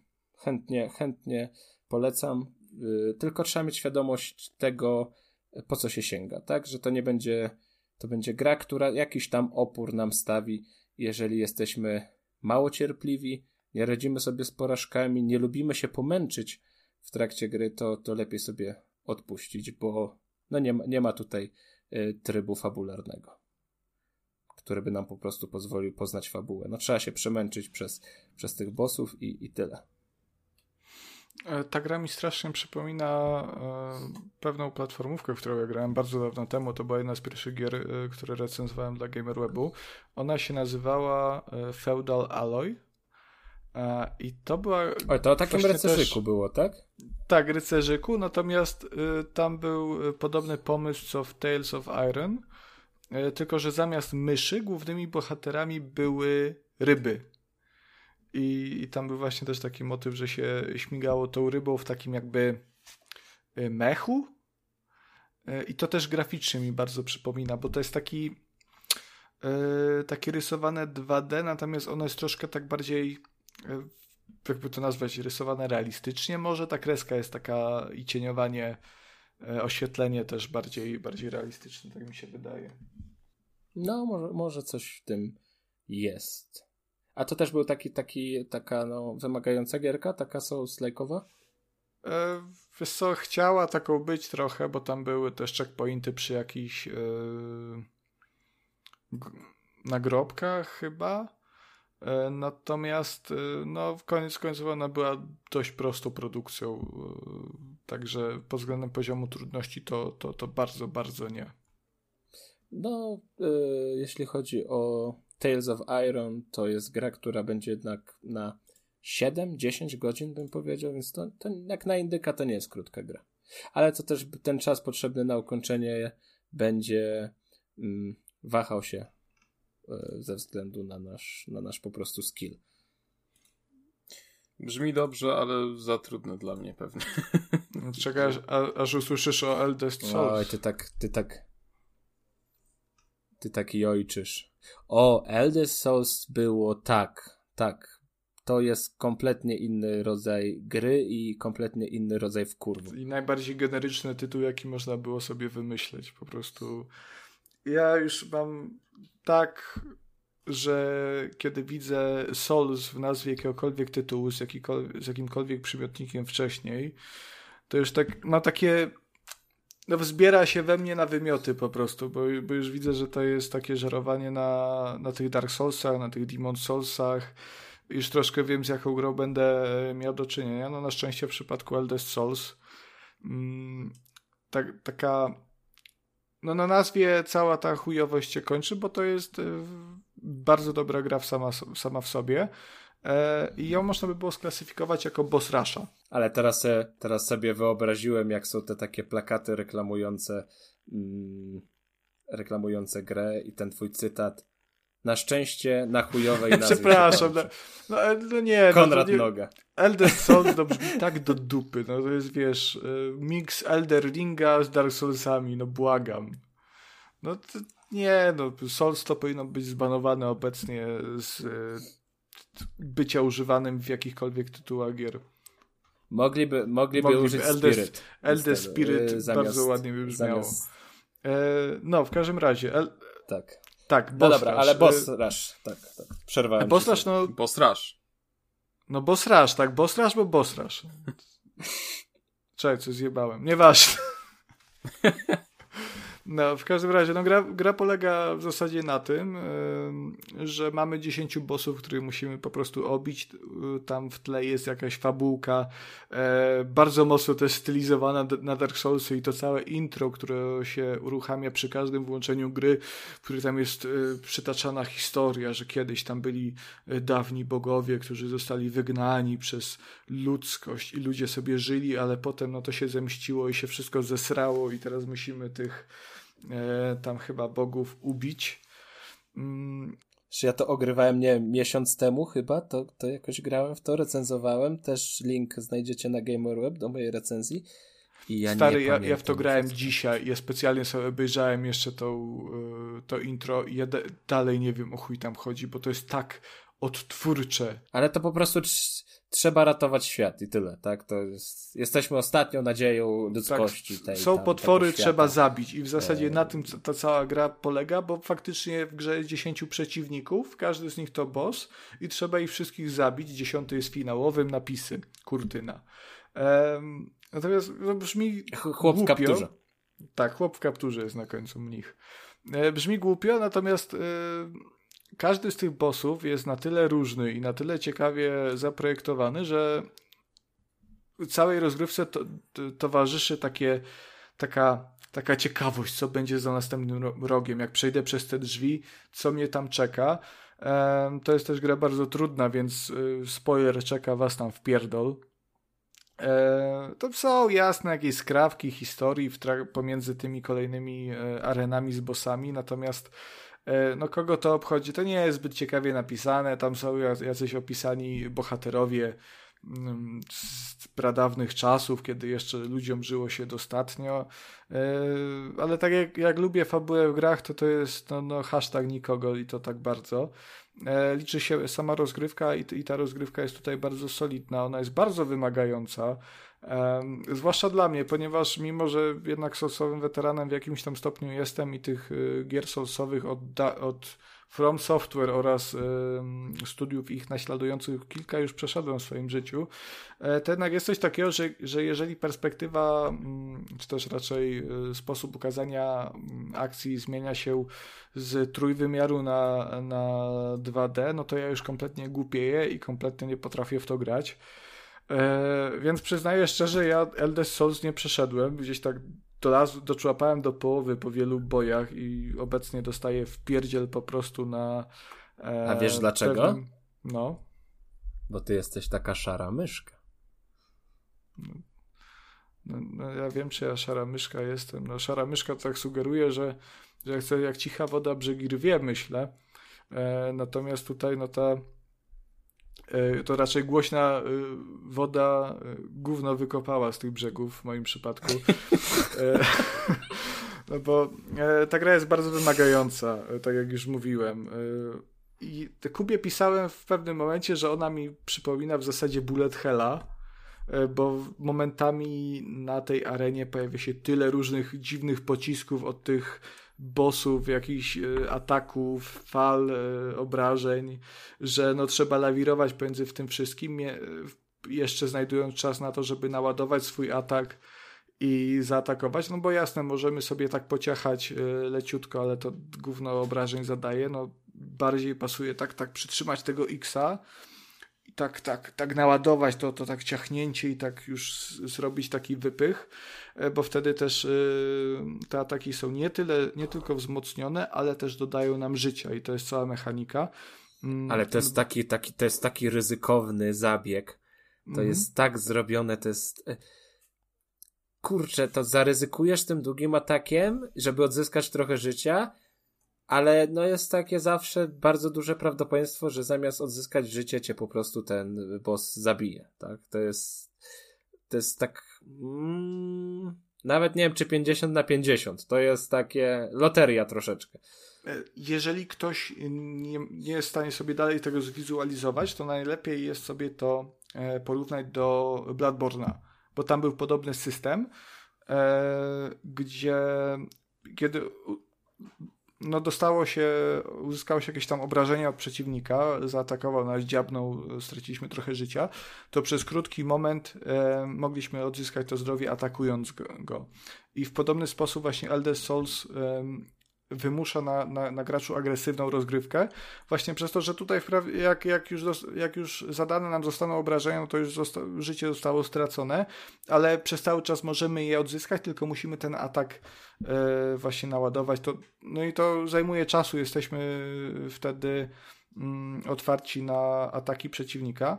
E, no ale też są inne sposoby na odzyskanie tego zdrowia. Są, są różne umiejętności, które odblokowujemy na przepastnym e, drzewku rozwoju. Tam są, ono jest podzielone na trzy segmenty i każdy i je, one odpowiadają kolejno zwinności, sile ataku oraz obronie chyba. Mm. Tak, ale w danym momencie możesz rozwijać tylko jedno drzewko, tak? Yy, tak. Yy, Nie no możesz też... korzystać z dwóch, z dwóch drzewek jednocześnie, więc finalnie tych opcji rozwoju jest tak troszkę mniej, nawet pomimo tego, że są te trzy drzewka. No, z, zwłaszcza, że za każdego bossa dostajemy jeden punkt umiejętności, mimo że tych umiejętności na każdym, drzew, na każdym drzewku jest dużo, dużo więcej. no ale też no, trzeba wspomnieć, że jednocześnie, mimo że jakby jesteśmy z jednej strony ograniczani przez twórców, że możemy mieć tylko jedno, jedno drzewko, jedną linię rozwoju, to w każdej, w każdej e, chwili możemy sobie zresetować punkty umiejętności kompletnie za darmo i powrzucać je w inne, nie tylko umiejętności, ale też drzewka. Także. Ale to jest e, bardzo, bardzo fajne, bo mi to raz jednego bossa zrobiło. Bo długo się męczyłem, nie, nie mogłem sobie z tym, z, no z tym drzewkiem, z tym buildem, który miałem wcześniej, nie mogłem sobie długo poradzić z tym bossem, aż w końcu stwierdziłem, że no dobra, może trzeba coś pokombinować. Zmieniłem na inny styl walki i jakoś po, poszło po prostu dość szybko później. Także tutaj też jest taki fajny mm, ten element, żeby dostosować się pod konkretnego przeciwnika. Tak, y, no ja, ja, też tak miałem. Ja na początku poszedłem w ogóle w obronę i w kontrowanie, y, mimo że jeżeli chodzi o kontrowanie przeciwników, to jestem od zawsze y, straszna dupa. I no, zresetowałem sobie to, poszedłem w siłę ataku, jakoś tam sobie radzę. Mm, dodatkowym takim elementem ulepszeń są różne zdobywane z pokonanych bossów przedmioty, jakieś takie esencje, które można włożyć specjalne sloty odpowiadające konkretnym e, typom ataków i e, czy też ruchów. I wtedy na przykład dana umiejętność ma tak jakby alternatywny sposób działania, tak? To... Yy, tak, no ale właśnie chodzi mi o konkretny przykład, ale no, no, no właśnie, dajmy na to, jeżeli to, taką to, konkretny esencję bossa wrzucimy w unik, to przy robieniu uniku i uniknięciu ataku przeciwnika w ostatnim możliwym momencie, to na przykład wytworzy, wytworzymy sobie taką świetlistą um, smugę i jeżeli zrobimy to trzy razy, to nagle y, ta, te trzy smugi zamienią się w atak obszarowy, który jakiś tam atak bossowi zada. Y, to jest jedna z wielu umiejętności, bo niektóre y, powiedzmy za, za naładowany cios mm, wynagradzają nas dodatkowymi dodatkowymi takimi. Ja nie pamiętam tych nazw, bo to jest tak generyczne po prostu, ale takimi fiolkami z energią, które ładują z kolei nasz super inny, mocny atak, więc to jest wszystko bardzo zależne i trzeba kombinować. Mm, no tak jak mówiłem, gra jest, jest bardzo wymagająca, więc każdą z tych umiejętności trzeba opanować do perfekcji, e, no bo inaczej czeka nas śmierć. Ale daje tą tak, taką adrenalinkę. Jest, no. jest super satysfakcja jest e, super. Ja, ja chyba tam w dwa czy trzy dni e, zrobiłem tę grę. No. I to byłem taki no nabuzowany w ten taki soulsowy, soulsowy sposób. No, ja gram troszkę inaczej. Ja nie jestem w stanie rozpykać Soulsów w 2-3 dni. E, jednak sobie te gry rozkładam na dłuższe terminy. E, i, i, troszkę wolniej gram, ponieważ no, one mnie strasznie męczą jednak. No, jeżeli ja już jestem taki nabuzowany adrenaliną, e, to ja po, po ukończeniu walki z bossem no, już nie jestem w stanie da dalej kontynuować, ponieważ no nie wiem, no czuję, że okej, okay, to jest, to jest ten koniec, muszę sobie zrobić przerwę, reszta mi się i sobie wrócić, no bo jestem aż tak nabuzowany. Widzisz, ja mam tak, że zaraz muszę zobaczyć, e, jaki boss jest następny i jak ciężko będzie z następnym, i to też na ogół e, troszkę czasu mi zajmuje, żeby się przekonać, że okej, okay, dobra, to teraz potrzebuję przerwy, może faktycznie e, spróbuję jutro, ale muszę tam sobie, no muszę sprawdzić, no nie ma opcji. Weźcie mm, pogadajcie o jakichś łatwych grach w końcu. Ale to jest, Kacper, ale to jest właśnie fajne, bo to jest super, bo to wynagradza naprawdę twojego skilla. To nie jest e, gra, która wchodzisz i musisz tam grindować przez 5 e, kurwa godzin, żeby se złotego czokobosa e, wyhodować i móc bossa zabić. Tylko tutaj nawet bez jakichkolwiek umiejętności byłbyś w stanie e, tę grę przejść jeżeli jesteś odpowiednio dobry, no to jest tak samo jak w Dark Soulsach, e, gdzie ludzie przechodzą ją w samych gaciach z chochlą, grając przy okazji na macie od Dance Dance Revolution. Mm, I w Eldest, Eldest Souls jest, jest tak samo, mimo że ja dostaję w pieprz od tego lodowego kutasa złomasa jednego hajma lodowego olbrzyma, e, to ja mimo wszystko cały czas czuję, e, że już, już go już go mam, nie? I za każdą próbą dochodzę coraz dalej. E, już o tyle mi życia mu, już prawie ostatni cios by, już by nie żył. E, ale Fuksa miał mnie zabił. No i tak jest za każdym razem, to cię motywuje do, do dalszych prób. E, I koniec końców ta wygrana wtedy daje masę satysfakcji, bo czujesz, że to ty jesteś na tyle dobry, żeby tego bossa rozwalić, położyć na łopatki, a nie twoja postać jest, jest napakowana tymi umiejętnościami i ma tyle HP, że boss nie, nie ma żadnych szans. No. Także wydaje mi się, że polecamy, ale dla hardkorowców. Tak. To na, to na pewno nie jest, to na pewno nie jest gra, z którą y, należy zacząć, jeśli chce się y, zasmakować Souls-like'ów. Znaczy, ja wiem, czy, czy nie można od niej zacząć. Wydaje mi się, że można zacząć jak najbardziej. Mm, na, na, to ja już lepiej zacznijcie sobie z y, Tales of Iron. To, to znaczy, to, jest... to wiesz, no, to też nie jest Souls-like do końca. To jest Boss Rush, a Souls-like to są jednak, mimo że podobne, to są dwa różne typy gier, no bo jedna w Souls-like'u jest ale też to się cała tak zwykło, ta... wiesz, y, zwykło się używać tego terminu po prostu na określanie gier trudnych, gdzie giniemy dużo i no, bijemy no, dużo. Ale to jest też błąd, no, Kuba. No ale to jest. No bo... E, jak dla mnie, ja jestem z tym ok, bo obecnie wychodzi tyle gier różnych gatunkowo, różnych. Yy, różniących się tak małymi drobiazgami czasami, że tego nie da się wszystkiego skwalifikować w jakiś taki bardzo sztywny sposób, więc ja na przykład tak samo mam z roglajkami, że a, jak coś tam, jak często giniesz i musisz zaczynać od nowa, to niezależnie od tego, co tam się dzieje w międzyczasie, to dla mnie to jest wszystko jakby wrzucone w jeden, yy, w jeden worek. Dobrze, czyli to było Eldest Souls i to był Konrad i właściwie Kuba też, a tymczasem po tej jakże trudnej grze. E, chciałbym powiedzieć, że przyszedł czas na relaks, ale na to pytanie nam odpowie Kuba w swojej recenzji Ford Triumph. No, zgadza się, tylko wcale nie relaks. Znaczy pewnie relaks, jak się wybierze niższy poziom trudności. Ja sobie zacząłem chyba z zalecanym yy, i wcale się nie relaksowałem, bo było nawet, nawet yy, ciężko miejscami. Ale zacznijmy od początku. Ford Triumph to jest gra, która była reklamowana jako mix Heroesów i XCOMa. Czyli mm, jakby ta rozgrywka dzieje się na mapach podobnych z Heroesów, czyli biegamy sobie konikiem, zbieramy tutaj trochę złota, tutaj jakiś tam zasób, surowiec, tutaj odwiedzimy jakąś świątynię i dostaniemy punkty dla swojego bohatera, a tam jak pokonamy przeciwników, to będzie skarb, a w skarbie możemy wybrać, czy chcemy walutę, czy punkty doświadczenia.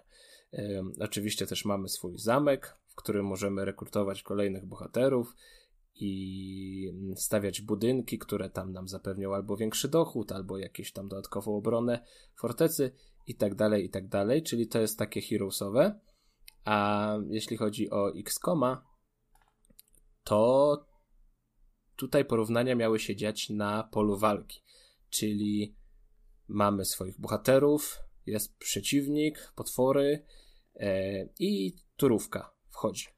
I teraz miał być mix Heroesów i XCOMa jest, tylko że tak naprawdę mm, no w żadnym z tych elementów Fort Triumph nie dorównuje tym, tym grom, na których się, się wzorował, bo jeśli chodzi o ten aspekt Heroesów, to to, jest, to wszystko jest bardzo, bardzo, bardzo uproszczone.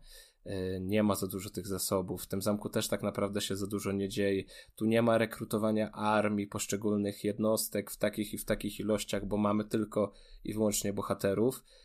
A jeśli chodzi o ten aspekt e, strategii turowej i tych walk turowych, no to tu też mm, nie jest to ten sam poziom. Oczywiście nie jest źle, jest po prostu trochę, trochę inaczej.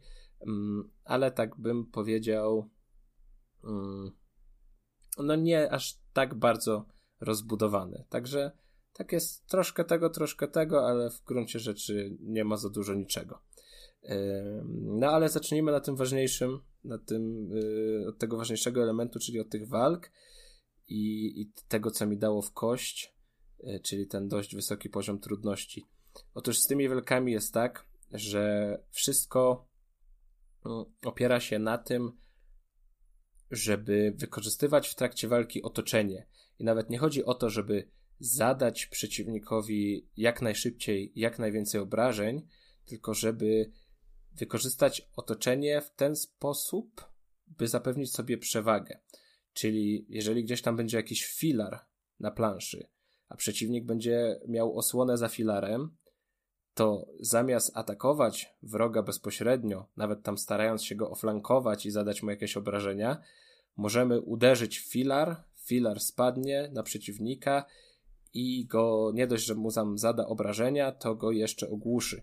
I właśnie to ogłuszanie wrogów jest tutaj takie bardzo ważne, bo mm, każde ogłuszenie powoduje to, że w następnej turze ten wróg nie może nas zaatakować.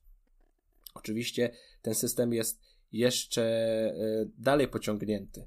Także jeżeli pchniemy ten filar, to on uderzy w przeciwnika, a jeżeli za tym przeciwnikiem będzie następny przeciwnik, to oni też w sobie w siebie uderzą i zadadzą tam sobie jakieś obrażenia i będą e, dwóch będzie od, e, ogłuszonych. Także tutaj mamy tych sporo narzędzi do tego, żeby i tych przeciwników jakoś przemieszczać po planszy, bo mamy i linki, które gdzieś tam podciągają, albo strzały, które odpychają, albo jakieś zaklęcia wiatru, które też tam y, mogą tymi ruchami modyfikować, to jeszcze musimy kombinować z tymi, z tymi elementami terenu, jak y, jakieś, nie wiem, pnie, y, jakieś filary, jakieś y, kamienie i tak, i tak dalej, więc tu, wokół tego się to wszystko opiera. A jeśli chodzi o bohaterów naszych, to są cztery klasy. Każda ma tam jakieś swoje umiejętności, część jest yy, wspólna dla wszystkich klas, ale no ewidentnie jest tutaj mm, różnica dla każdego z bohaterów. Jeśli dobrze pamiętam, to maksymalnie w drużynie możemy mieć pięciu bohaterów, a jeśli chodzi o wrogów, no to tam czasami nawet będziemy musieli się mierzyć z większymi takimi hordami, które mają po kilka punktów życia, ale jednak nas starają się przytłoczyć, yy, przytłoczyć jakby ilością. Mm, no i co? Mamy Paladyna. Paladyn oczywiście tam zwarciu, yy, duży współczynnik zbroi, pancerza, potrafi jak, w jakiś sposób leczyć sprzymierzeńców. Yy, mamy Czarodzieja, który będzie miotał kule ognia i tam lodowe pociski. Mamy Łotrzyka, który będzie łukiem atakował z dystansu i tak zapewniał przewagę. I mamy jeszcze Berserkera, który jest takim typowym e, zadawaczem obrażeń, czyli tam szybko ginie, ale też w stanie jest mm, zadać sporo obrażeń. I właśnie jeśli chodzi o to umieranie, to to jest taki najsmutniejszy i najbardziej bolący element tej gry. Jak w życiu, bo ja sobie jeszcze właśnie do tego Mm, standardowego poziomu trudności dorzuciłem to. Nie wiem, nie jestem pewny. Wydaje mi się, że to było mm, fabrycznie ustawione, bo ja lubię grać po prostu na zalecanych ustawieniach, bo dla mnie ustawienia zalecane to są ustawienia, które producent i deweloperzy stwierdzają, że to jest najlepsze mm, i najbardziej zbalansowany tryb. I była zaznaczona opcja, że oni po prostu giną bezpowrotnie, tak? Czyli jak bohater ci umiera, to to go tracisz, musisz sobie tam zrobić nowego, dołączyć do drużyny i tak dalej.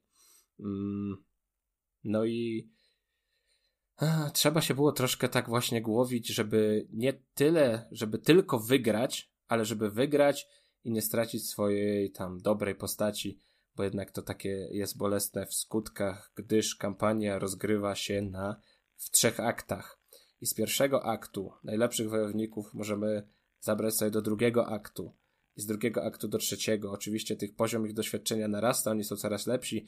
Ja miałem taką sytuację, że finałową walkę, walkę z pierwszego aktu mm, wygrałem, ale został mi tylko jeden żywy bohater i w drugim akcie zaczynałem z tym jednym dobrym, już wyżej, yy, wyżej poziomowym bohaterem i takimi pierwszopoziomowymi i było mi ciężko się przebić na początku.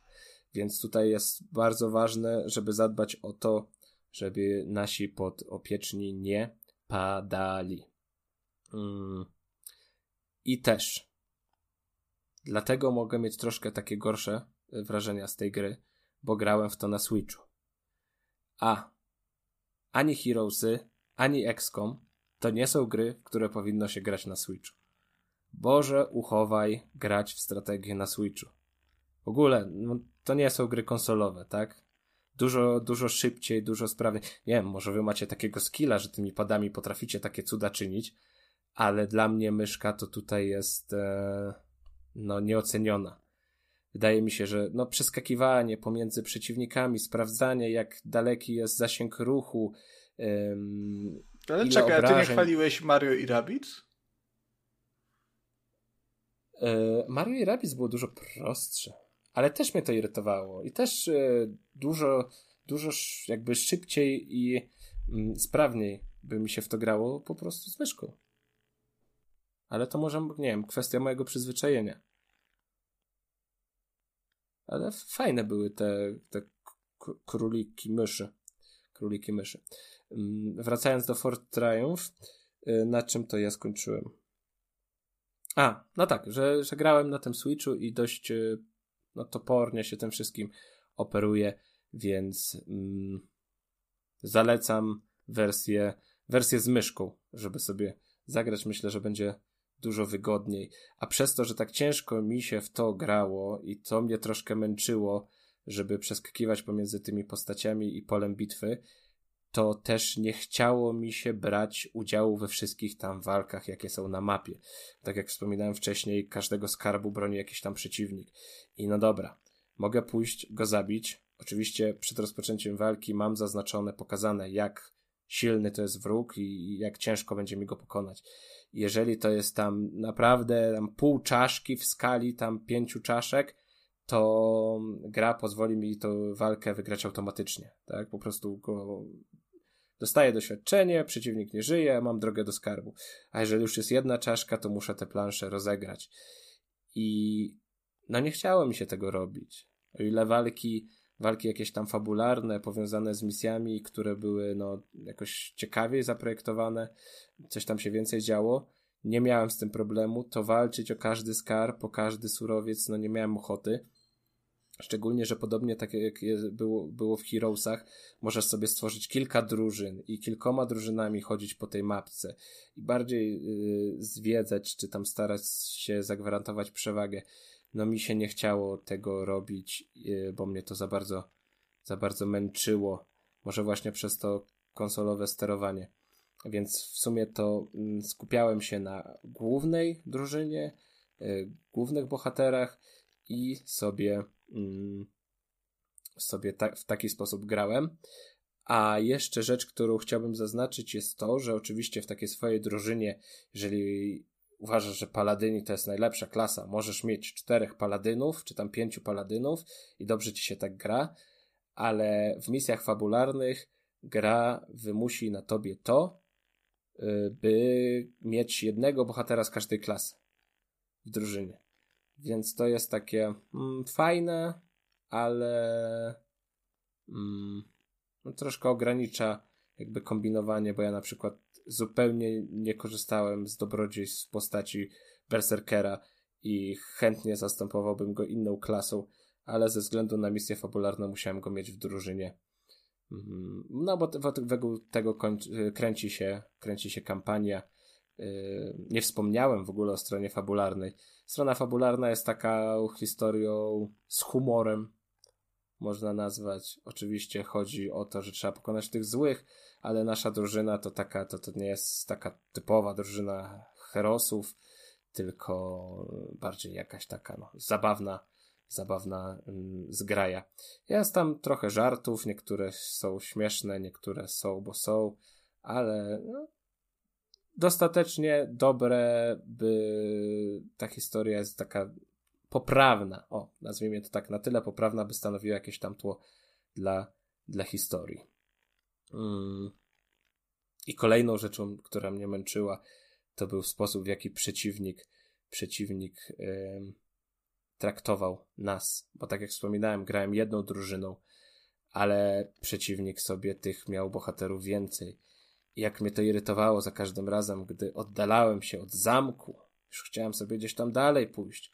A on mi podsyłał takiego gdzieś tam gównianego herosa, który był mi w stanie ten zamek y, tam zadać, z, yy, zająć. A nawet nie tyle co zająć, bo gdy miałem jakąś tam obronę w zamku, to on i tak był na tyle odważny, by mnie zaatakować, nawet pomimo tego, że nie miał przewagi, ale walkę musiałem rozegrać, więc to kolejna taka y, zbędna, zbędna walka y, do rozegrania. Jakieś tam dodatkowe, niepotrzebne minuty. Y, ale tak troszkę narzekam na ten Fort Triumph, a muszę przyznać, że w gruncie rzeczy bawiłem się, bawiłem się spoko, bawiłem się dobrze. Y, może jakby troszkę za dużo tego było, za wszystko było za bardzo skumulowane, ale te, te, to rozgrywanie tych potyczek mm, sprawiało satysfakcję. Szczególnie jak miałeś tą opcję kombinowania z tym ogłuszaniem, z tym, by zadać jak najwięcej, jak najwięcej obrażeń mm, danej turze, jak najbardziej, jak najlepiej wykorzystać wszystkie swoje możliwości. To na, naprawdę jest satysfakcjonujące. Tak samo jak satysfakcjonujące były jakieś tam walki powiązane z fabułą, w których działo się, działo się trochę więcej niż tylko tępienie wrogów. Także myślę, że to jest gra, którą mm, osoby lubiące turówki powinny sprawdzić, ale raczej nie na Switchu. Czyli Czy są jakieś pytania? To, to, to zdanie właściwie można podpiąć do większości gier. No, pewnie tak. I chyba coraz częściej my je podpinamy. No, ale, ale będzie, nie bierze, nie bierze będzie się Splatoon trzeci, będzie Bajoneta. Jesteście po prostu hejterami Switcha i tyle. No dobrze, pytań żadnych nie ma, więc to chyba wszystko już. To był Kuba i to był Fort Triumph. E, I to był też 14 odcinek Trójkastu. E, na koniec jeszcze tylko e, krótka sekcja pozdrowień. E, przede wszystkim chciałem pozdrowić Pabla, którego spotkałem w weekend ostatni na weselu siostry mojej dziewczyny. E, Escobara. I oka nie. okazało się, że Pablo nas słucha e, i trochę sobie porozmawialiśmy. To w ogóle było bardzo e, dla mnie niespodziewane, ale jednocześnie bardzo miłe i, i sympatyczne doświadczenie. Jakbyście chcieli, to polecam zobaczyć na Instagram Pabla, bo robi bardzo ładne zdjęcia. Jego e, nick to kto inny jak Pablo. Także zapraszam i polecam. Bardzo sympatyczny facet, bardzo fajna morda. A e, poza Twarz. Pawlem e, chciałem też, chcieliśmy tutaj e, jako, jako podcast, chcieliśmy pozdrowić mm, Martineza. Martineza 4972. E, użytkownika który, Twittera, tak? Użytkownika Twittera, który, jak się okazuje, jest e, naszym dużym fanem i jest nam z tego powodu bardzo miło. E, dziękujemy Martinez za tyle interakcji. Oczywiście zachęcamy do jeszcze większej ilości e, tych interakcji właśnie. E, Dużo zdrowia życzymy. Tak, właśnie miałem powiedzieć, że życzymy oczywiście powrotu do zdrowia e, i, i cieszymy się bardzo, że, że podczas twojej choroby e, nasze pierdolenie mogło ci jakkolwiek pomóc. Tak? Że, żeby nie było, że jest jakoś obłożnie chory, nie? No, pisał, że przeziębiony nie, no, jest no tak, tak, tak. No, ale, ale napisał, że e, bardzo mu w tej chorobie pomagamy, także no, cieszę się naprawdę i, i e, życzymy powrotu szybkiego do zdrowia i mam nadzieję, że nawet jak już będziesz zdrowy, to i tak z nami zostaniesz i i tak będziesz nas, nas słuchał. E, Także dobrze, I jeszcze, no, jeszcze, jeszcze chwilkę. Jeszcze zapomnieliśmy podziękować, bo wszystkie e, klucze do wszystkich mm, jakby tych trzech indyczych gier, które dzisiaj omawialiśmy, czyli Fort Triumph, y, Eldest Souls i y, Tales of Ion otrzymaliśmy od e, Better Gaming Agency i Maćka Sosnowskiego. Y, bardzo dziękujemy za te klucze i również pozdrawiamy. Kuba na pewno bardziej, jak tak. zawsze. Ja bardziej, ja najbardziej. tak, pozdrawiam. Ale wszyscy pozdrawiamy i tak, i tak bardzo mocno. Także dobrze, dziękujemy za, za słuchanie. To był 14 odcinek Trójkastu. Za mikrofonami ponownie był Konrad Noga. Dzięki za uwagę, cześć. Kuba Smolak. Dzięki, że wytrwaliście do końca. Do usłyszenia, do zobaczenia. I Kacper Cembrowski. Bardzo dziękuję, że jeśli nie zasnęliście podczas mojej recenzji FIFA, e, o piłeczce możemy jeszcze tam sobie kiedyś pogadać. Ja bardzo chętnie e, zawsze o piłce nożnej czy o FIFA porozmawiam. Także jak będziecie zainteresowani, to dawajcie znać. Możemy nagrać specjal o, o piłce. A w następnym odcinku będzie Diablo. o tak, dla tych, co zostali znowu, do końca. To... Znowu. Znowu, ale to będzie to I, I pewnie Cyberpunk już, jeszcze. I już nie beta. Dobrze, dziękujemy bardzo, trzymajcie się i do usłyszenia. A wy? Co sądzicie o grach i tematach poruszanych w odcinku? Koniecznie dajcie nam znać w komentarzach, na Twitterze lub poprzez adres e-mail. Wszystkie linki znajdziecie w opisie. Pozdrawiamy. Ara, ara, sayonara!